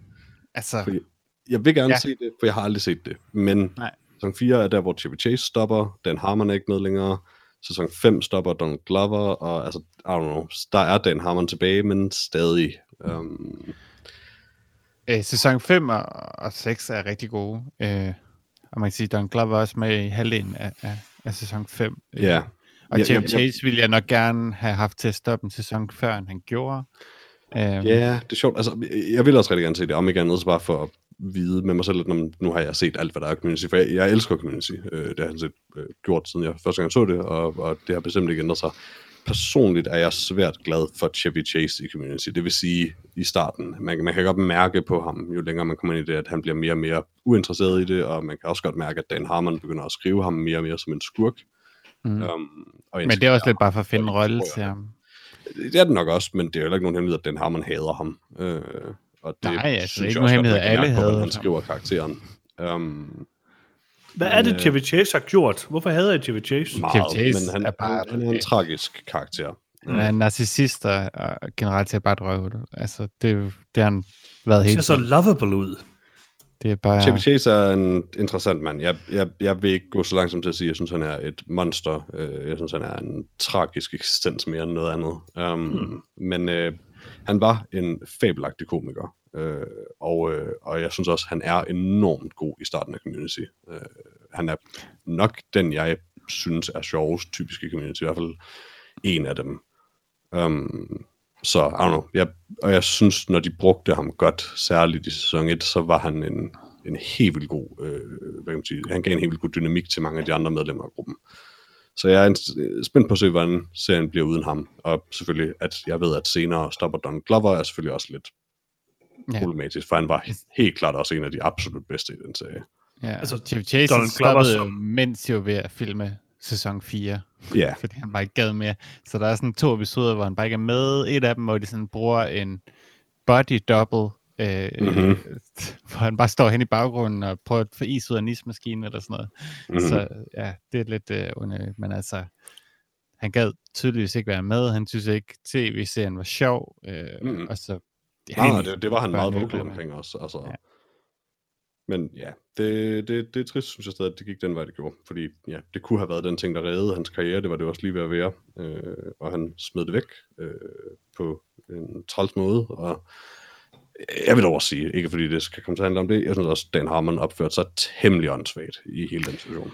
Jo, jo, altså Dan Harmon, han er jo også en fyr, der siger mange ting, uden at tænke over det, men han er også Helt en person, der undskylder øh, for mm-hmm. Mhm. at gøre dumme ting. Øh, hvor Chevy Chase, han aldrig forstår, at han har gjort noget forkert. Øh, så, og det, det gør jo i sidste ende forskellen om, om nogen, de gider arbejde sammen med andre, fordi det er jo, man kan godt arbejde sammen med nogen, der er lidt besværlige. Øh, nu Selvfølgelig. skal jeg ikke pege fingre her. Øhm, Nej, Lars. Det er Lars, Ja. ikke? men, men Det tager jeg som et ja. hvis personerne selv forstår, at de godt er lidt svære at arbejde sammen med, og de undskylder, øh, Mm-hmm. så er det jo noget andet, end hvis de bare en gang imellem lige pludselig er kæmpe røvhold over for en. Og, altså, mm. han Mm. sagde jo nogle fucked up ting øh, til Chase, blandt andet, at Donald, folk kun troede, at Donald Glover var sjov, fordi han var sort. Helt bestemt. Øh, Hmm. hvilket også Ja. skal være et eller andet, Chevy Chase siger, fordi han tror, det er sjovt, men det er jo bare... det, det er i hvert fald ikke out of character for, for den slags humor, han, han typisk havde, når han, altså, når han ikke var scripted, eller hvad man skal sige, også da han var ung. Men øh, det undskylder det bestemt ikke. Øh, altså, Nej, man man kan sige, at han, har, han har jo bare været sådan en, en person, som folk ikke kunne lide, lige siden han var med i uh. Saturday Night Live. Uh, og jeg, ja, jeg hørte også i, jeg hørte lidt uh, Darkest Timeline podcast, som er med Joe McHale og, og jeg Ken har overvejet at tjekke ud. Ja, den er, uh, tek- de har en producer, og på trods af det, så er den teknisk Den ret ser- inkompetent. Meget grim ud. Øh, men de havde blandet Alison Brie øh, på i øh, sidste afsnit, og ja, Alison Brie er altid herlig. Men Mhm. mm-hmm. det, de snakkede om i den nyeste episode, øh, hvor at øh, Gillian Jacobs var på, det var, at Chevy Chase, han nægtede at sige ordet kettlecorn i, i en episode. Bare sådan, at de kunne ikke finde ud af, hvorfor. Han nægtede bare at sige ordet kettlecorn. Han- Det var, der, var, der var behov for, at han sagde kettlecorn, fordi der var kettlecorn overalt. I mean, it's like the best joke of that episode. ja, så han endte bare med at sige krædder, fordi han, han vil ikke sige... Jeg Uh, vil dog sige, that kind of makes it. Mm, Altså, og, og det er svært at vurdere, synes jeg, nogle gange, om Chevy Chase snøvler, fordi han er doven, eller fordi han er meget fuld. Um, probably a bit of both, men jeg synes, Ja. ja. hele kettlecorn-scenen er... I really like that. Uh, og selvfølgelig kan man ikke komme ud om, at uh, Jeffrey McHale uh, er fantastisk i Community. det undskyld, Josh McHale. Ja, undskyld. George McHale? Ja. Oh, Jeffrey McHale. Det var det, jeg sagde. Var det ikke? Du sagde Jack McHale. Gillian McHale. Mm. Ja. Um, Ken Jeong. Nej. uh, I don't know. Uh, Johannes' underlige had til Joel McHale. Uh, Underlig. Det er meget så, normalt. så synes jeg, Joel. McHale er... Altså, jeg kan ikke specielt godt lide Joel McHale generelt. Jeg synes ikke, han er særlig sjov. Uh, men jeg synes, I don't know, somehow så virker, fungerer han helt vildt godt i Community det meste af tiden. Jeg tror også, at de fleste mennesker hader Joel McHale. I hvert fald nu. Altså, jeg tror ikke, de fleste mennesker har specielt stærke følelser omkring ham, men Og øh, efter det der Tiger King noget, har de rimelig stærke følelser omkring ham. Nej, jeg, jeg, tror, tror når du faktisk... siger de, så tror jeg, du mener jeg. Altså, Nej, jeg har, jeg har researchet lidt. Alle hader alright. Jeffrey McHale. Altså, det er det, jeg hørte i forhold til John McHale, sagde, at han fik meget had over for. Det var, fordi han spurgte dem, om de synes, det var korrekt, at øh, hvad hedder det, Joe Exotic var i fængsel.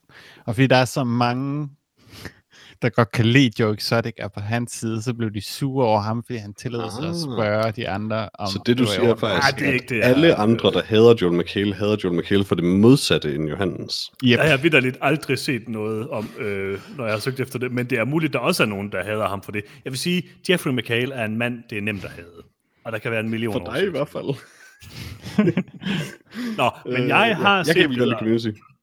Ja, det er en rigtig god serie. Mhm. Øh, og sæson 5, og, altså sæson 4 er sådan et generisk sort hul af en Jeg skal nok få den set. Den er i hvert fald kortere. Det er både 4, 5 og 6 jo end øh, Ja, øh, Øh, af 6. sæson, der er afsnittene så længere, fordi de var på Yahoo Screen, som de formåede at få til at gå under. uh, Øh, men sæson 5 og, og 6 er føles meget anderledes. det er virkelig en forbandet jeg tv-serie. Jeg synes ikke, de er dårligere. Det her det er dybere hul, end da vi snakkede om Trolls World Tour. Jamen, Det er en fremragende komedieserie, som Nej, det er ikke mere interessant. Det er en meget populær og meget fremragende komedieserie, Johannes. Okay. Øh, jeg fortsatte til gengæld med mit øh, iTunes, eller Apple TV-eventyr hedder Mhm. det vel. Øh, og jeg sørgede, sørgede selvfølgelig for at købe en uh, Yorgos Lantimos klassiker. Øh, og jeg genså uh, The Lobster, Mm-hmm. som jeg jo endelig fik lov til at sætte som nummer et på min liste over de bedste film, jeg nogensinde har lavet. Og det er jo rimelig farligt at gense sådan en film, fordi hvad nu Ser hvis du, man har jeg lige, begået sådan en fejl. det er ikke en fejl, men jeg var jo selvfølgelig lidt nervøs. sådan, Hvad nu når jeg ser den igen? Vil jeg så sådan, kunne leve med, at jeg havde sat den som nummer et på min øh, liste over de bedste film nogensinde? Mhm.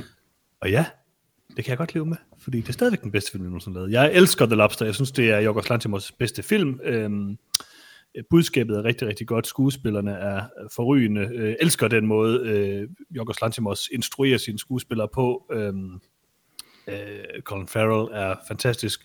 Øh, hvad hedder det? John C. Reilly er herlig. Øh, som den her øh, meget kiksede fyr. Der er en masse humor i den, der er også, altså, men der er virkelig også nogle øh, brutale og meget, meget øh, rørende scener i den, og jeg synes, at øh, det er for mig den Jorgos Lantimos film, hvor han balancerer det bedst. Øh, hvor Dogtooth nok for mange er sådan lidt for dyster, og humoren er lidt for øh, sort, så synes jeg faktisk, at, øh, at The Lobster har den, den perfekte balance, og jeg synes stadigvæk, at slutningen er den bedste slutning i en film, jeg har set. Men Mhm. har du genset Starship Troopers for at finde ud af, om det i virkeligheden ikke er den bedste film nogensinde lavet? Det er den bedste film. Øh, nej, The Lobster, fremragende film. Øh, stadig Bestemt. vild med den. Øh, Freja, har du set mere? Jeg har set AlphaGo, the movie. Hvad er Oh, den er rigtig god. Øh, det er en, en film, som DeepMind selv har lavet, eller har, har stået for, for, for produceret. Øh, der var jo det her for et par år siden, øh, hvor at, ja, de satte sig for, det her firma DeepMind, at lave en kunstig intelligens, der kunne blive den bedste i verden til Mm. spillet Go. Øh, Counter-Strike Go? Counter-Strike Go, ja. Okay.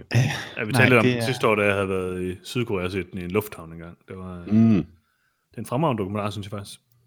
Har du set den i en lufthavn? Ja, ja, ja. Men der okay. Okay. var nogle øh, øh, koreanere, der stod og skændtes meget højt ved siden af mig. okay.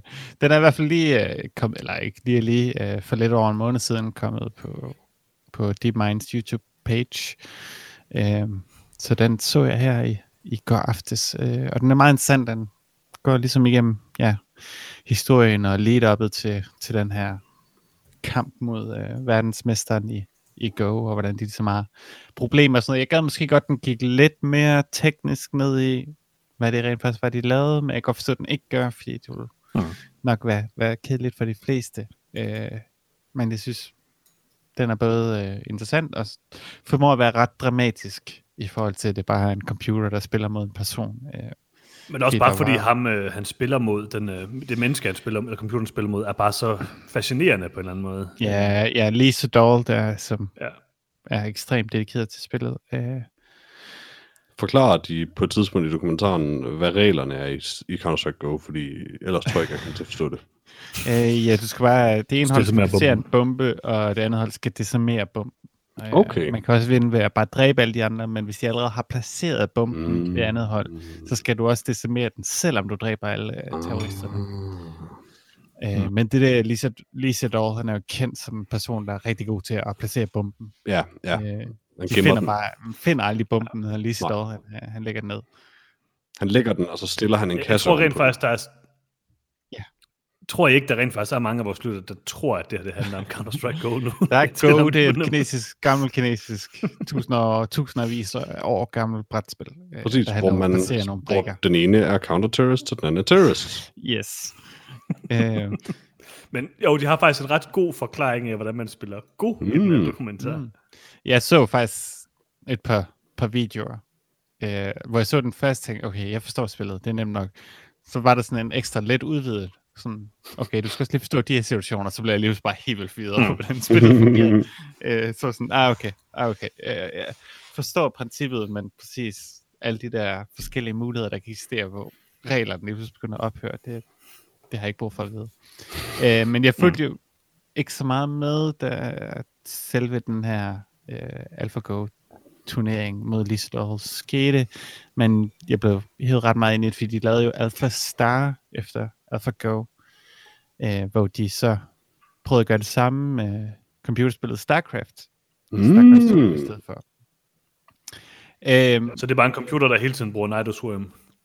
Øh, jeg ved ikke, om den hele tiden gør det. Øh, men de havde i hvert fald en, også en turnering, øh, sådan lidt på samme vis, øh, som de havde med den sådan europæiske øh, mester i Go. Han er også med i filmen. De ligesom tager ham ind, og han skal spille mod den her maskine, og så får han bank, øh, og så han bare falder ned i sådan en dyb depression, eller sådan noget, indtil så bringer ham tilbage, eller han kommer med på holdet. Øh, men de gjorde lidt det samme med, med StarCraft også, men de havde en del problemer med StarCraft i det, at det er et helt andet interface. Øh, hvordan du interagerer med spillet er ligegyldigt Go, fordi det er bare at placere en brik. Øh, men i StarCraft er det jo at styre en masse enheder, der begrænser, hvad du Ja, kan se. de og sådan fysiske begrænsninger ved en menneskekrop spiller faktisk en ret stor rolle. Ja, øh, og det var så det, at de, de som skulle finde det, men første gang de så viste, at de havde den her store præsentation, hvor de havde nogle pro-spillere inde, og så videre, så fik de rigtig meget kritik bagefter, fordi folk fandt, kunne ligesom se, at der var, havde nogle problemer i, at den kunne gøre ting, mennesker fysisk aldrig ville kunne gøre, Mm-hmm. og det er nok i virkeligheden derfor, den vandt. Øh, og så endte de med at redesigne den og få en pro-spiller ind igen.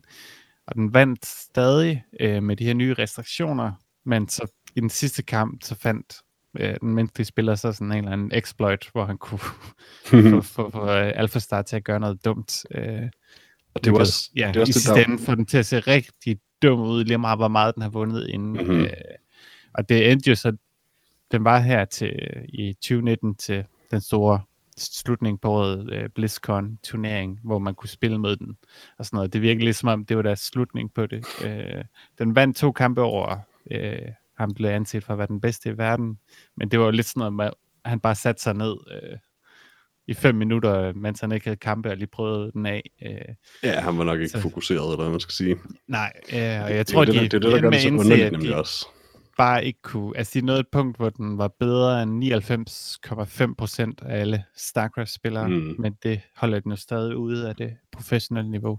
Og jeg Ja, tror bare, det er de indså, også- at de ikke kunne nå op øh, den på er- højere niveau. Den er på Grandmaster nu, så vidt jeg kan se. Øh, Ja. den, den, den spil, man kan spille mod den i øh, den her åbne øh, public 1 mod 1 øh, europæiske Ja. ja. multiplayer ladder. Alt altså- altså, lige, så er det i hvert fald bare lidt mudret at bruge at lave sådan noget med netop sådan noget som StarCraft, for der er jo en grund til, at den sport fokuserer så meget på specifikt der med, om, hvor mange actions kan de lave per sekund og så videre. Og så videre Ja, men der var og satte de også restriktioner og på. Mm. Selvfølgelig, men, men det er bare svært at ja, digitalisere det, de der variabler, der ligesom er et menneske. Altså en, den ene den samme spiller kan jo have to vidt forskellige dage, for eksempel. Ja, men man kan sige, altså i første gang det gjorde det, der lavede de restriktion for, hvor meget APM den måtte have i en kamp. Mm-hmm. Men det gjorde jeg lige pludselig, så eksploderede den bare i APM i sådan i et sekund eller sådan Den noget. det og brugte bare. En masse af sin APM på sådan, lavede sådan nogle moves, som, som var umulige, og den kunne se hele kortet samtidig. Sådan. Mm-hmm. Men det virkede som om, at det sted, de nåede hen til det sidst, der havde den nok restriktioner, der passede ind med, at den faktisk spillede inden for de rammer, et menneske kan. Ja, Men de manglede bare noget til at få den op på det her nye niveau, øh, hvor den ligesom, fordi den kan jo ikke vurdere fra kamp til kamp, øh, hvordan en anden stil er. nej, og det, er det, den har jo ikke det der der er psykologiske ekstremt- metaspil. Nej, der, der, der er det ekstremt øh, stor del af spillet, øh, større end det er i, i, i skak og i, i Go. Øh, Mhm. mm-hmm. Så i sidste ende, så manglede den nok bare en del af det, samtidig med, at de har gjort den så menneskelig, at den rent faktisk har en stil, som andre mennesker kan udnytte. Øhm, så det, ja, det er et super interessant emne, og, og Bestemt. jeg vil gerne have, at de arbejder videre på det, men jeg tror, fordi de ikke snakket om det i lang tid, så jeg tror ikke, det er noget, de, de vil videre med Alpha Star plus StarCraft. Ja, det, altså selv hvis de nåede op på øh, det niveau, hvor de kunne slå den bedste, så er der bare ikke lige så meget interesse for det, som der er for Go, øh, som er lidt Hvis mere nu de den til at spille Fortnite, Ja, den bedste Fortnite, ja. Mhm. Mm-hmm. Så vil alle være on board. Den skal bare spille mod Ninja. Det er lige meget, om han er den bedste i verden eller ej. Jeg Men tror jeg vil Black anbefale- var den bedste. Jeg vil anbefale AlphaGo The Movie. Uh, jeg synes faktisk, den var rigtig, uh, Altså også Mhm. nu.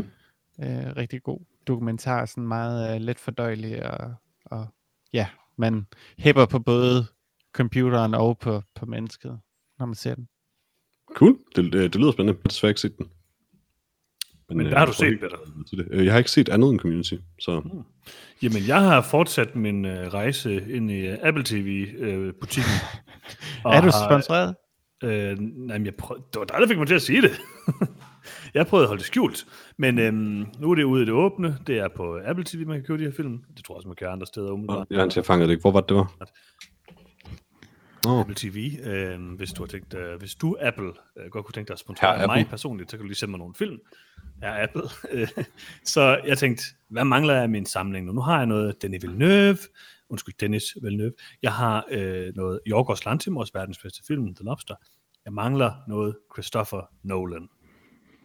Men jeg kunne ikke få mig, til at fort, øh, få mig selv til at force uh, Interstellar øh, endnu mere. Jeg har dog købt den. Men, men, så det kunne du godt. Øh, ja, ja, jeg har købt den. Jeg skulle lige støtte den, men jeg har ikke set den igen. Somehow ikke that's endnu. worse. Man skal kun se den en gang om året. støtter de der små indie-film. Ja. Stakkels Christopher. Nolan, han, Man han skal jo den en kunne spise, altså.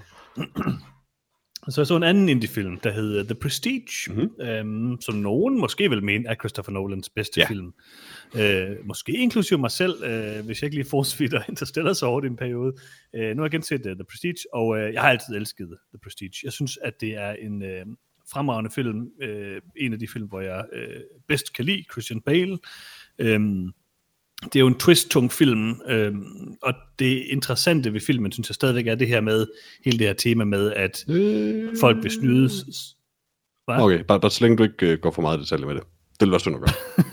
Ja, det er en rimelig gammel film, men nu, jeg tror, vi spoiler mange, men jeg skal nok lade med at spoil den. Jeg siger bare, det hele point med filmen er det, som Michael Caine siger i den allerførste scene i hele filmen. Han siger, at øh, mennesket vil gerne øh, narres, så derfor så er det egentlige twist altid out in the open hele tiden. Og det er ligesom det, som den her film konstant bygger frem imod. Og øhm, der er mange interessante ting i den. Øh, super god historie. Øh, jeg vil med den. Jeg elsker The Prestige. Enig? Øh, jeg er meget forvirret over, at at jeg, Mhm. mm-hmm. Christopher Nolan har stadig det der Memento remake, som de har snakket om i fem år nu, som jeg Mm. ikke forstår, hvorfor nogen vil lave, Det har Nej, jeg ikke hørt noget om og umiddelbart. heller ikke forstår, hvorfor den idé bliver holdt i live. jeg, jeg tror ikke, det findes rigtigt. Jeg håber ikke, det findes. Det er det første, jeg hører om det, og jeg kan ikke lide det. Er alle film og remake Memento? Yeah.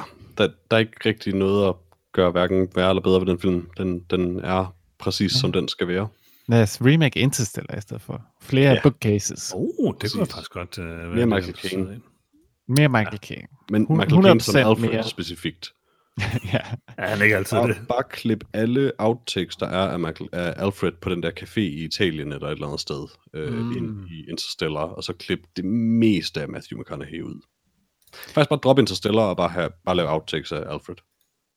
Jamen, det, det eksisterer allerede, Peter. Der. Nå.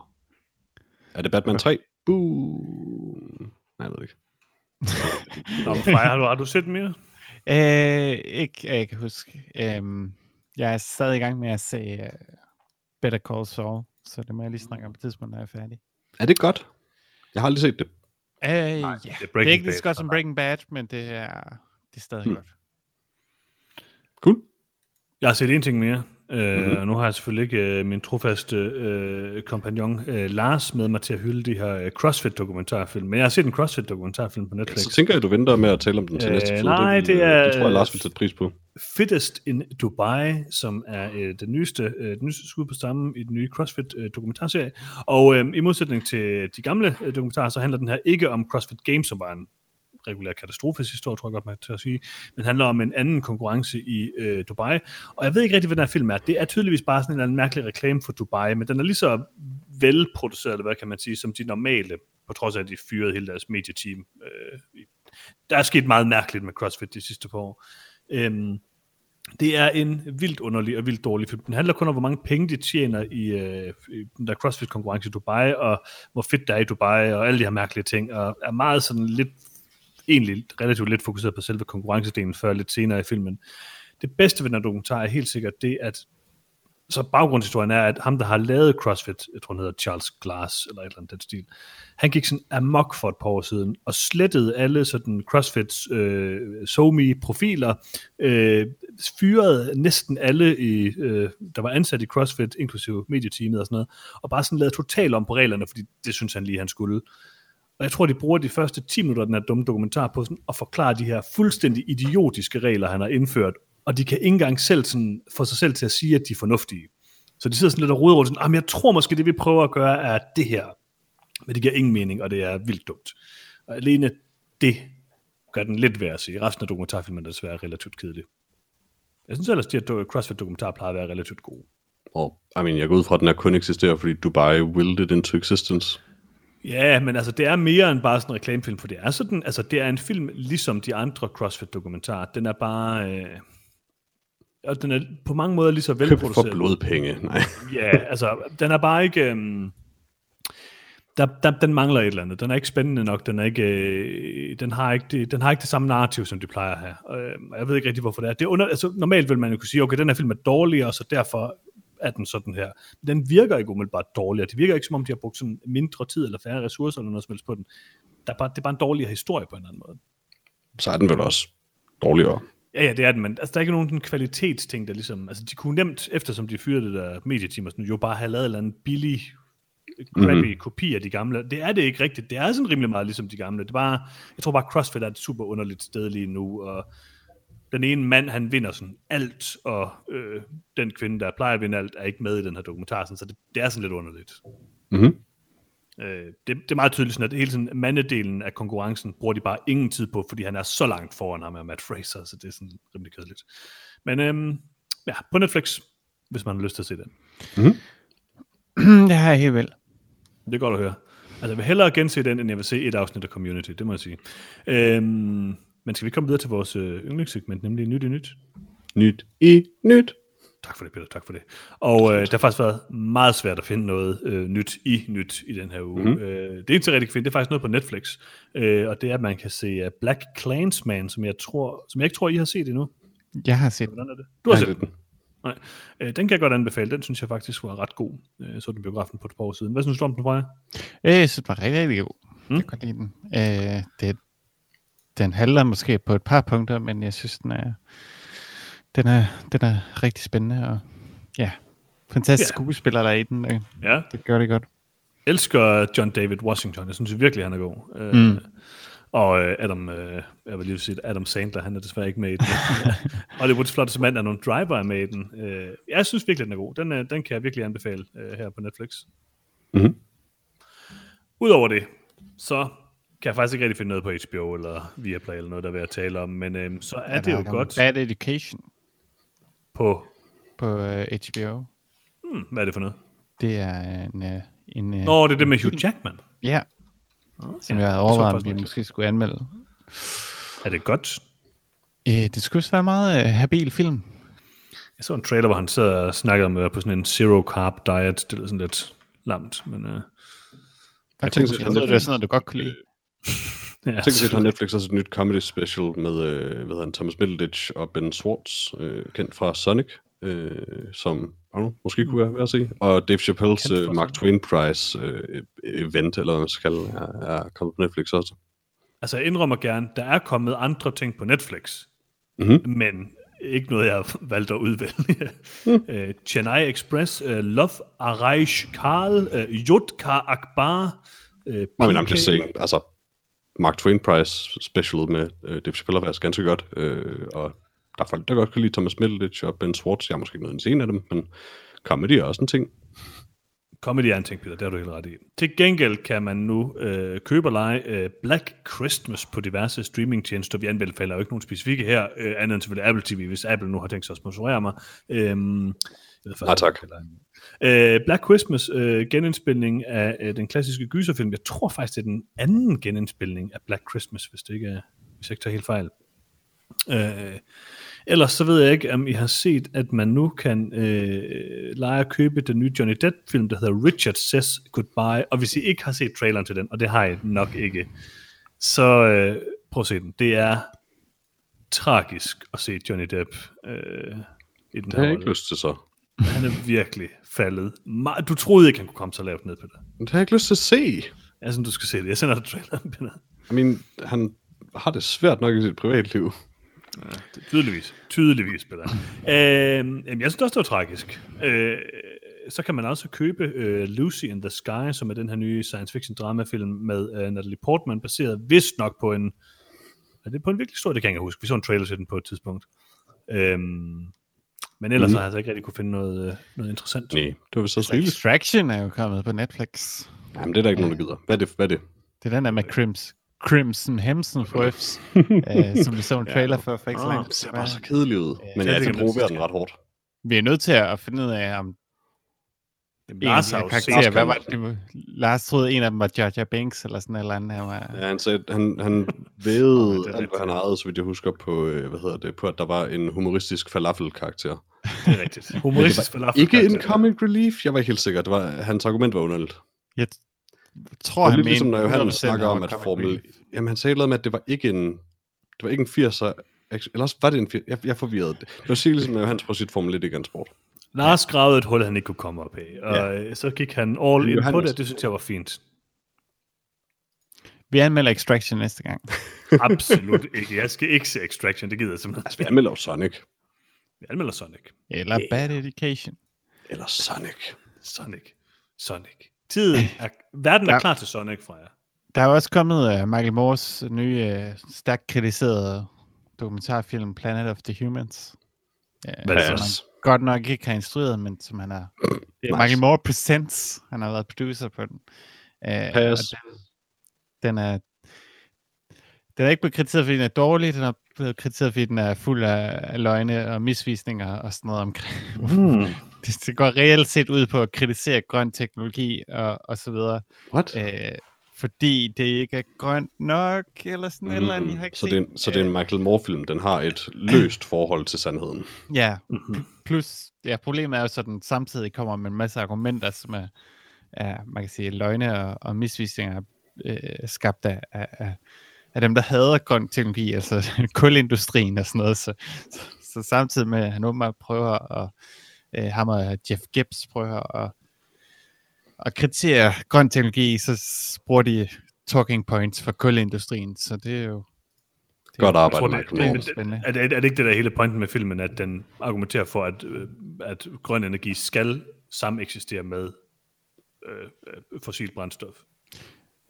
Øh, jo, Altså, det altså, kan man at så være det, totalt uenig i. Det, den bruger jo så, man altså være man kan sige, snakker om, at, at, at, hvad jeg kunne læse til, og hvad, hvad jeg læste af kritikken af den, at problemet er, at den bruger for mange helt vildt forældede tal i forhold til, hvad det koster Mm. at producere øh, grøn teknologi, og, og, og hvor meget at har argumentet, at, at det er lige meget om det er elektrisk bil, fordi den skal alligevel bruge øh, fossile brændstoffer, men det så heller ikke passer, fordi øh, en elektrisk bil bruger langt færre øh, fossile brændstoffer. Øh, mm. Men igen, jeg har ikke set den, så det er lidt svært at, at have fuld argument over det, men jeg har heller ikke tænkt mig Freja, den. du ser den til næste gang. Nej, Vi hører din øh, fulde kritik af Michael Moore. Øh, i næste kun episode. hvis du ser Extraction. Deal. Okay, det er fair nok, det gør vi. Og jeg ser Community. Nej, det, du skal ikke, det, du, det bliver nu stopper du med community. gør det.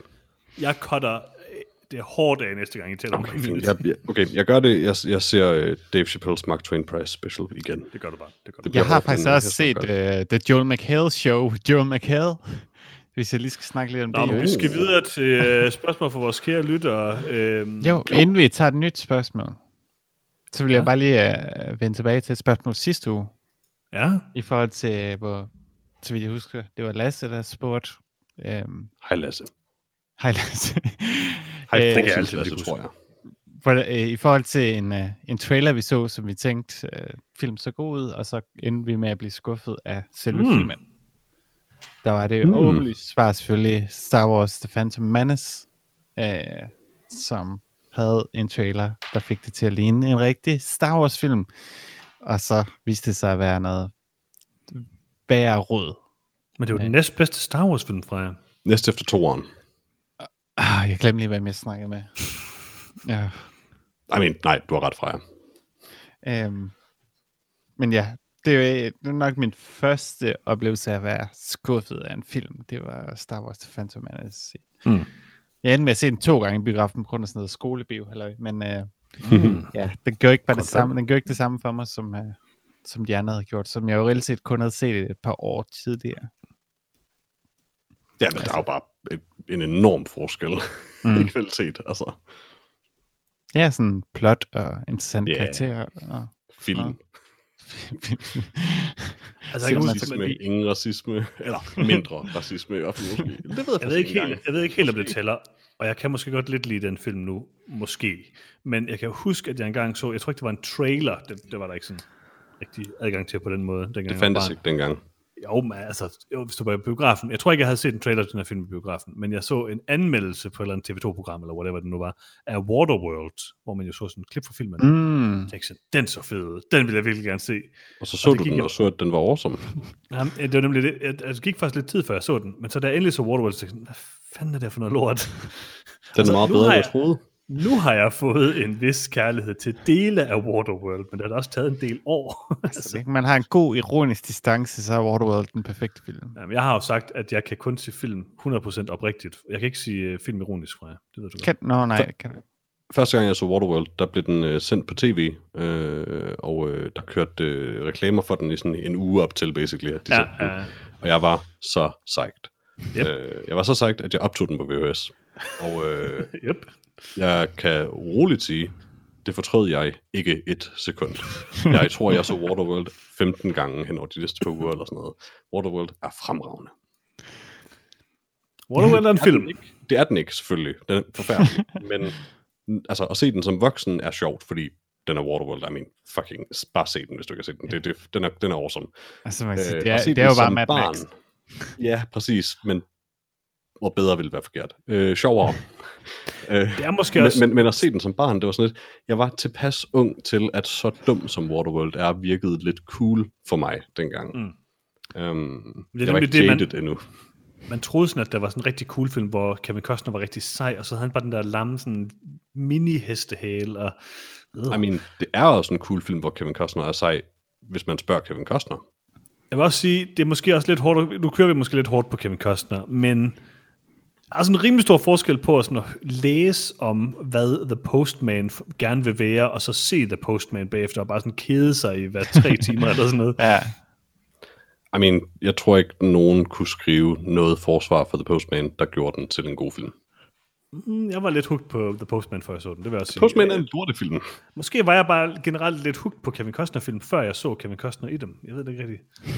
Det er Men- bare underligt, at Kevin Costner laver Danser med Ulve. Fantastisk film. og så laver han Waterworld og The Postman, and I don't know what, what happened.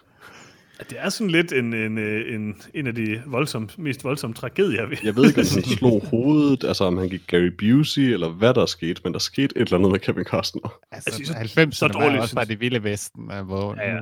der vidste der var jo ikke nogen, der vidste, hvad man lavede film dengang. Man forsøgte bare nogle ting, og nogle gange gik det godt, og nogle gange gik det dårligt. Når det var sådan, altså i 80'erne vidste man godt, hvad man lavede film. I Ja, ja. Der 0'erne, var, også, der var lige 90'erne, der var lige sådan et mærkeligt hul. det var Man siger- Coke, der holdt filmindustrien i gang i 80'erne, og så stoppede de det, og så var sådan, men hvordan er vi gør ting? Waterworld var jo ikke rigtig Kevin Costners skyld. Der blev han hyret til det, men The Postman er jo sådan... Jeg kan ikke huske, om det er hans... Altså, det, det er jo, den har han jo selv lavet øh, decideret. Det har han jo ikke med Waterworld. Så The Postman har han ikke skylden på Kevin Costner. Nej, han har ikke lavet Waterworld. Han har produceret Waterworld, så det er lidt hans skyld. Ja, det, Men produceren jo også, ingenting. Altså, har, har han ikke betalt for filmen, basically? altså, Kevin Costner instruerede jo film. Altså, ud fra, når, hvis det er Kevin Costners film, så skal han også have instrueret. Der er han med The Postman, og der er han med Danser med Ulve. Øh, og Altså, jeg tænker mere, at han har den her vilje til at, ja, at en film, han synes har værdi, skal sådan, ja, tvinges ind i verden på en eller anden måde. Lidt ligesom øh, fucking, øh, hvad hedder det, Chronicles of Riddick. Øh, Jeg synes... jeg Ja, kan lige, det er af en faktisk nok. grund, så har jeg lige glemt hans navn. Fucking Vin Diesel, Vin tak. Diesel. Ja. Det er rigtigt nok, men Diesel er sådan lidt den moderne Kevin Costner. Jeg kan Eller faktisk ikke, moderne er det rigtige ord. jeg kan godt lide Kevin Costner. Jeg synes faktisk, han er ret god. Han har bare lavet nogle underlige ting. er nogle en fantastisk film. Ja, det er han. Men Nå, ja, det var næste bare spørgsmål. det for at sige, uh, fordi vi havde lidt svært ved at svare på det sidste uge, så jeg, gik lige tænke rigtigt. over det lidt hen over ugen. Så derfor, fordi jeg lærer af min fejl, så har jeg rent faktisk stillet jer spørgsmål på forhånd den her gang. Har du det? Mhm. Mhm. Håber du har læst det. Altså, jeg læste spørgsmålet, men jeg glemte det fem minutter senere. Godt. Henrik har nemlig skrevet ind, Hej, Henrik. og han skrev ind og spurgte om, øh, hvad hedder det, øh, på baggrund af de her ting med, at vi har tidligere, øh, tidligere i podcasten snakket om det her med, at der er nogle film, jeg ikke kan se længere, fordi jeg er blevet far, og især sådan Mhm, børn mhm. og sådan noget, det, det kan jeg ikke lide. Øh, så spørger han, om der er nogen øh, enten film eller scener eller tematikker, som vi ikke længere kan se, eller som vi ikke har lyst til at se generelt af den ene eller anden årsag. Altså, jeg har altid haft det svært med at se noget som helst film, hvor nogen gør noget øh, grimt ved dyr, særligt hunde. Øh, mm. Og for den til skyld læse bøger om det. Jeg husker stadig, øh, hvor hårdt det var for mig som barn, da jeg en eller anden grund frivilligt af nysgerrighed læste Old Yeller, øh, mm. og var virkelig hårdt ramt. Men Øh, tragisk. og det har bare altid ramt enormt hårdt øh, for mig. Sådan all jokes aside, så kan jeg virkelig ikke udstå det. Um, derudover, ved jeg ikke, jo ældre jeg bliver, jo sværere har jeg det med øh, folk, der er, hvad kan man sige, emotionelt øh, forfærdelige over for hinanden. Øh, det tror jeg var ret kold over for, da jeg var yngre, men, men jo, jo ældre jeg er blevet, jo, jo mere rammer sådan noget mig. Altså eksempelvis noget som, øh, hvad hedder det, Marriage Story, øh, er svært mm. at se. Um, den, den er dog ikke så voldsom, men, men den slags øh, ting i filmen. Og øhm, ja, hvad mere? Øh, Fysisk tortur i det hele taget. Det, det, altså, ja, det var også en ting, hvor jeg var distanceret nok fra det, tror jeg, på en eller anden måde, som teenager til, at det ikke, jeg mener, du ved, det var bare props, og det er bare sjovt. Men igen, jo ældre jeg er blevet, jo sværere har jeg faktisk været set det, for nu, nu synes jeg, altså, nu fokuserer jeg måske ikke så meget på, hvor gode de praktiske effekter er, og mere på, hvor ubehagelig scenen er. Mm. Hvad med dig, Freja? Jamen for mig, der var det jo ligesom, altså, nu er jeg jo transkønnet, og der er ligesom mange ting fra 80'erne, eller især 90'erne og starten af 0'erne, som jeg nok, som jeg har set en gang, og godt kunne lide, øh, som jeg nu går tilbage til, hvor jeg sådan, hvor jeg lige ser, okay, den her film, tramper rigtig meget på folk som mig, eller gør grin med det på en eller anden måde, som Mm-hmm. virker ondsindet. Øh, blandt andet film, jeg rigtig godt kunne lide engang, var Ace Ventura, Pet Detective, Mm. Øh, men slutningen øh, på den, fordi det ligesom halvt handler om en Mm. transkønnet person, der ja, som så Alt, har været sammen, til deres fordel. ja, øh, som så har kysset med en og så slutter af med, at alle bare står og spytter og kaster op, fordi jeg kysser med en person, der var transkønnet, som ikke Mm. mm. rigtig er transkønnet, fordi jeg tror ikke, Jim Carrey vidste, hvad en transkønnet person er, så det er sådan meget underligt, så det er problematisk i forhold til køn på sin egen måde. Men to be Øh. fair, så er jeg ikke sikker på, at Jim Carrey ved, hvad noget er. Nej. Jeg Øh, tror heller ikke, Jim Carrey har lavet Ace Ventura. men- I mean, uh, han er ret meget skaberen af det, så vidt jeg forstår. Det, det vil jeg øh, også men, men, tro. men, Men, øh, altså, sådan, ja, I don't know. Det, det, det er faktisk, det, at du nævner det, fik mig nemlig også at tænke på faktisk sådan, jeg har altid bare været sådan, ah, Mace Ventura er en fantastisk film, indtil du nævnte det der for mig, og så var jeg sådan, ah, fuck. altså, Ace Ventura, ja. altså, der er forskellige problematiske ting. Der er også masser af problematiske ting i toeren. Øh, men, ja. men jeg, sy- jeg synes også, at, øh, at den, den del af etteren er helt sikkert det værste. Som jeg lige kan huske i hvert fald. ja, altså, altså- altså, der er jo også sådan meget, hvordan den, den ja, behandler uh, sindssygdom og sådan noget, som også mm, er, bestemt. Man sige, altså, den, den, den gør alle de ting, som Anders Sandler blev kritiseret for, han gjorde 10 år senere, ikke? det mm. der Mhm. med, med at slå mm. ned øh, på alt, øh, han kunne. Apropos øh, det, så ved jeg det, jeg var faktisk lidt overrasket over, det, er i- det er i sæson 3 af Community, der er det afsnit, hvor øh, Jeff kommer på antidepressiver. Altså, og det, nu er, skal ikke, det er ikke særlig mange år siden. Det er ikke særlig mange år siden. Øh, ja, ikke Community, ja. Øh, men, men wow, det var meget backwards. Altså, Mm. Ja, øh, og man kan sige, undskyld Johannes, men første sæson Community har jo også, for lige at relatere tilbage til det, jeg sagde med, at øh, den er første sæson fra 2009, og den har sådan nogle ting, hvor alle karaktererne i første sæson er sådan en lille smule casually homophobic, på, hvor mm-hmm. de Mhm. sådan er bange for at blive misforstået som homoseksuel, øh, som reelt set kun eksisterer i første sæson. Jeg tror, de ligesom det, det øh, bliver bare sådan... hvad de selv gjorde, ja, hvor det, det, bliver, sådan... det, det bliver skubbet hen til bare at være Piers nærmest senere. Ja, så altså man siger senere hen, for deraf, så er Pia selvfølgelig aggressivt homofobisk, og, Indtil de og Shirley er lidt sådan passivt aggressivt 180 homofobisk. Indtil Ja. de laver en 180 graders vending og gør Piers til sådan en fortaler for homoseksuelle. Men det er fint at have en karakter, der er et dårligt menneske, som er homofobisk, men Selvfølgelig. der er et andet problem i, at alle karakterer på en eller anden måde er homofobiske, når de skal forestille at være Ja. almindelige personer. Altså, det er jo det Øhm. ting, hvor, hvor det, det er svært. Ja, det, det er en underlig ting, fordi det, det er jo ikke noget, der nødvendigvis har været tænkt noget som helst med, da de her film, blev, film eller tv-serier blev lavet. Det er jo bare en ting, hvor de er et produkt af den, eller et øjebliksbillede af den tid, de lavede i også. Og, og Ja, ja, men det er det gør jo 100% bare, at ikke man har de her øh, ting, som, som ikke var et problem dengang i deres øjne, men nu er det. Altså Matt Groening er jo også blevet øh, slagtet lidt for hans ADHD-afsnit i Simpsons. Øh, Mm. hvad hedder det, som er enormt, øh, hvad hedder det, ufølsomt øh, og stupid ja. decideret. Øh, men øh, han har også, han har jo selv undskyldt for det også, og det er, jo, det er nok også det bedste, man kan gøre med sådan nogle ting, det er jo selv at adressere det som skaber, når folk så Ja. begynder at tale om det. Men altså, generelt set så undgår jeg bare ting, hvor øh, mænd spiller transkvinder. Øh, det var sådan ligesom ting, øh, især efter The Danish Girl blev populær. Det var sådan lige det sidste år, hvor man kunne gøre det. Øh, Ja. for transpersoner kunne sige, øh, hey, kunne måske ikke få nogle transkønne til at spille transkønnet. Ja, Øh, men der har jo blandt andet været den her øh, Tamborg øh, som har kørt et godt stykke tid og sådan noget. Øh, hvad fanden er Åh, den ja. hedder? Øh, Øh, åh, hvad hedder den? Tra- den hedder, hedder den Transgressive eller sådan noget. Jeg kan Transparent. Transparent. Transparent, ja, det er rigtigt. Ja, og den har jeg bare heller ikke lyst til at se. Øh, jeg har læst om, at den sådan skulle være respektfuld nok, men det er stadig bare en fyr, der spiller en transkvinde, og det, det er bare ikke, altså, man, man kan også nemt med sådan nogle issues ende med at gøre, altså gøre så, hvad kan man sige, akavet et forsøg på at gå i den rigtige retning, at man ender med at gå i den forkerte. Altså det er sådan noget som The Danish Girl, synes jeg for eksempel også er, altså det var jo netop også fordi, at det var sådan lidt et hot topic, eller hvad man skal sige på det tidspunkt, Mm. at man nok valgte at lave den film, og man havde nok tænkt, man havde nok gjort det med de bedste intentioner, men bare været blind for det på en eller anden måde.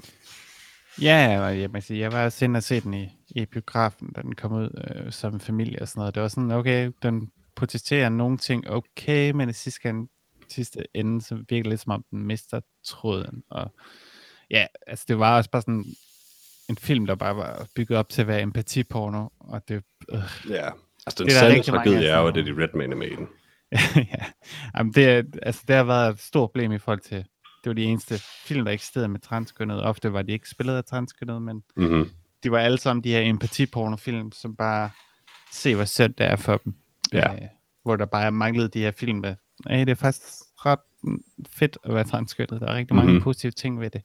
Øh, og det eksisterer jo så lidt mere nu. Øh, men det har jo taget lidt tid sådan, at, at få det igennem. Men altså, lever jo stadig en tid, hvor Transparent eksisterer. Nu tror jeg, det var sidste sæson øh, sidste år. Øh, Mm. Der var så også en masse problemer med Jeffrey Tambor. Han var vist også... han, han er lidt en uh, Chevy Chase-type, åbenbart. Øh, Ja, det mindes jeg også godt, jeg har hørt. Øh, jeg kom til at tænke på den der øhm, 13 Reasons Why. Jeg har aldrig set den. Øh, men ud fra alt, hvad jeg har hørt om den, har jeg bestemt heller ikke lyst til det. Øh, hvor den jo netop romantiserer øh, og på alle tænkelige måder tilsyneladende fejlagtigt behandler øh, selvmord. Mm. Øh, som er lidt et, et svært emne, eller et dumt emne, hvis man ikke er helt sikker på, men man ved, hvad man laver. Øh, og det lyder det ikke til, at de nogensinde gjort. Men en eller anden grund bliver folk ved med at se det stadig. Øh, så det er sådan-. Jeg ved ikke noget om den. Jeg, jeg, jeg ved heller ikke noget om den, men det er vel altid sådan lidt en balancegang med de forskellige emner, hvor man kan sige, altså, der er jo også noget positivt i, at, øh, at noget får opmærksomhed, og noget Ja, men- bliver talt om, og alle mulige ting. Igen, Altså, jeg har ikke set det, så det er svært at sige. Det er jo rent, altså det er jo, det er jo ting, jeg har læst, som andre folk synes. Men som jeg forstår det på 13 Reasons Why, er det decideret sådan like, problematisk. Øh, Mm. ja, hvordan det, de det tænker jeg er meget like, muligt, men jeg meget tænker, problematisk. Altså jeg har ikke nødvendigvis noget problem med, at noget bliver portrætteret. Det er jo mere et spørgsmål for mig om, hvorvidt det bliver portrætteret godt eller ej. Eller Men det er vel også det, vi taler om. Altså, jeg har ikke noget med at lave en serie om selvmord. Det, det, det er måden, den, den er lavet på. Altså, det, jeg kan i hvert fald huske svagt uh, i forhold, jeg tror det var tilbage til første sæson, hvor der blev skrevet en del artikler om, at selvmordsretten blandt teenager steg helt vildt på grund af ja, den her og serie. det har den gjort hver gang, der kommer en sæson. Ja, And they are aware. Og det er sådan lidt... Men igen, ja, altså jeg ved ikke noget om serien specifikt, så jeg, jeg kan ikke sige så meget om det. Det er måske lidt svært for os at tale for meget om, når vi ikke øh, rigtig kender Nej. noget til den. Peter, du ser lige fire sæsoner inden uh, næste gang. Nope. Ej, der er kun tre. Der er kun Men tre. øh, Johannes, dit svar er vel øh, at se Patrick Wilson spise en baby? Øh, ja, det ved jeg. Generelt, øh, alt med, øh, med børn har jeg sådan lidt altid haft svært med. Så School of Rock. Ja. The Phantom Menace. Rock. Phantom er Menace, øh, vil jeg sige, at øh, barnet er, jeg kan godt lide at barnet i Phantom Menace, han er rimelig god. I mean, det er Øhm, faktisk svært at se den, for det er lidt, lidt synd for ham. Ja, det, det synes jeg faktisk også er lidt synd for ham. Ja, det er meget Men, synd øh, for ham, men... Det ved jeg ikke, altså det er selvfølgelig en ting. Øh, ellers så vil jeg sige sådan noget som, øh, altså, øh, ja, øh, nej, ikke, der er egentlig ikke så meget andet. Det er nok mest det, jeg synes også, jeg synes også det kan være svært det der med øh, vold mod dyr. Der er en rimelig brutal scene i uh, The Lobster, som er, altid er voldsomt ubehagelig. Øh, men altså, Film med der Jeff Goldblum, Film med Jeff Goldblum, ironiske film, sådan nogle ting, det, det er nok mere der. Joel McHale, Åh, oh, Jeff McHale, ham kan jeg ikke lide. Nej, altså, nej, det er nok mest der det ikke der. handler om CrossFit og eller bodybuilding. Præcis. altså det der, det der med børn, det er i hvert fald helt sikkert den, den, den primære ting. Ellers så vil jeg sige, at jeg er sådan rimelig åben. Øhm, ja, hvis bare filmen vil sige et eller andet forholdsvis interessant med det i hvert fald. Men jeg, men jeg har svært ved, altså, jeg har helt sikkert svært ved det der med, med børn, også selvom det er en, en film, der behandler det på en god måde. Mm-hmm. Jeg har det bare svært med børn, der er i film. Det bryder Ja, same. Mm-hmm. Ja, jamen øh, det var det spørgsmål, jeg havde taget med fra vores kære lyttere. Det er et godt spørgsmål. Rigtig godt det, var, spørgsmål. det var et godt spørgsmål. Kan vi nævne, Øhm, hvem var det igen? Henrik. Henrik. Tak, Henrik. Tak, Henrik. Så øh, Peter, hvordan, hvad- hvordan kommer man i kontakt med os, og hvad skal man gøre for at være en del af det her herlige, den her podcast, som jeg tror måske 0% af vores lyttere har hørt, fordi de zonede ud efter Trolls 2. Altså umiddelbart så er det her ikke en invitation til, øh, at man kan søge som øh, vært. Øh, så man kan nok ikke blive en del af podcasten. Øh, man Det kan jeg del af bevise, at man kan. Det vil jeg også sige, der synes jeg faktisk, du kritiserer Freja lidt. Nej, nej, altså Freja, det var en, det var en undtagelse jo. Nej, øh, din ansøgning var bare god.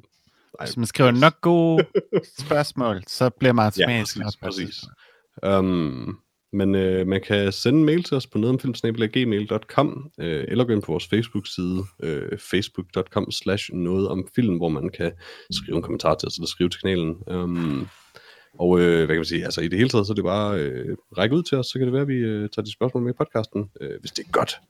Um, og hvis du er meget heldig, så kan det være, at du bliver vært på podcasten.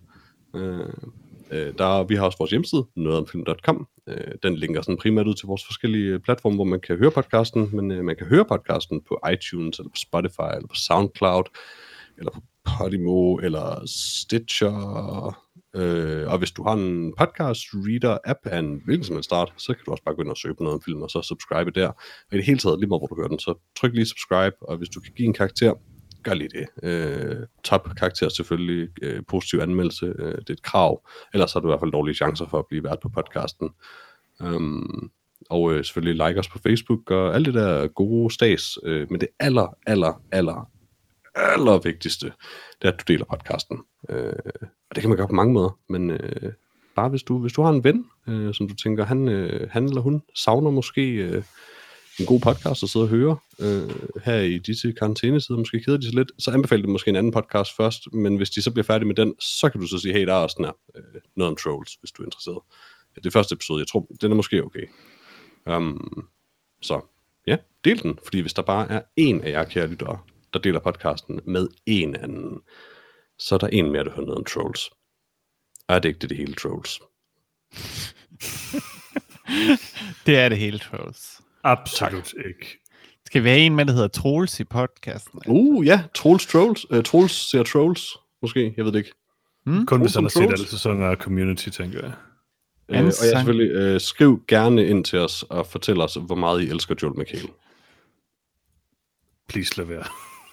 Det er mig, der får e-mailsene. Eller hvordan. jeg er fuldstændig enig med Johannes i, at det eneste Joel McHale gjorde forkert i Tiger King, det var at stille spørgsmål ved, øh, om Joe Exotic øh, hørte til i fængslet, fordi selvfølgelig gør han ikke det.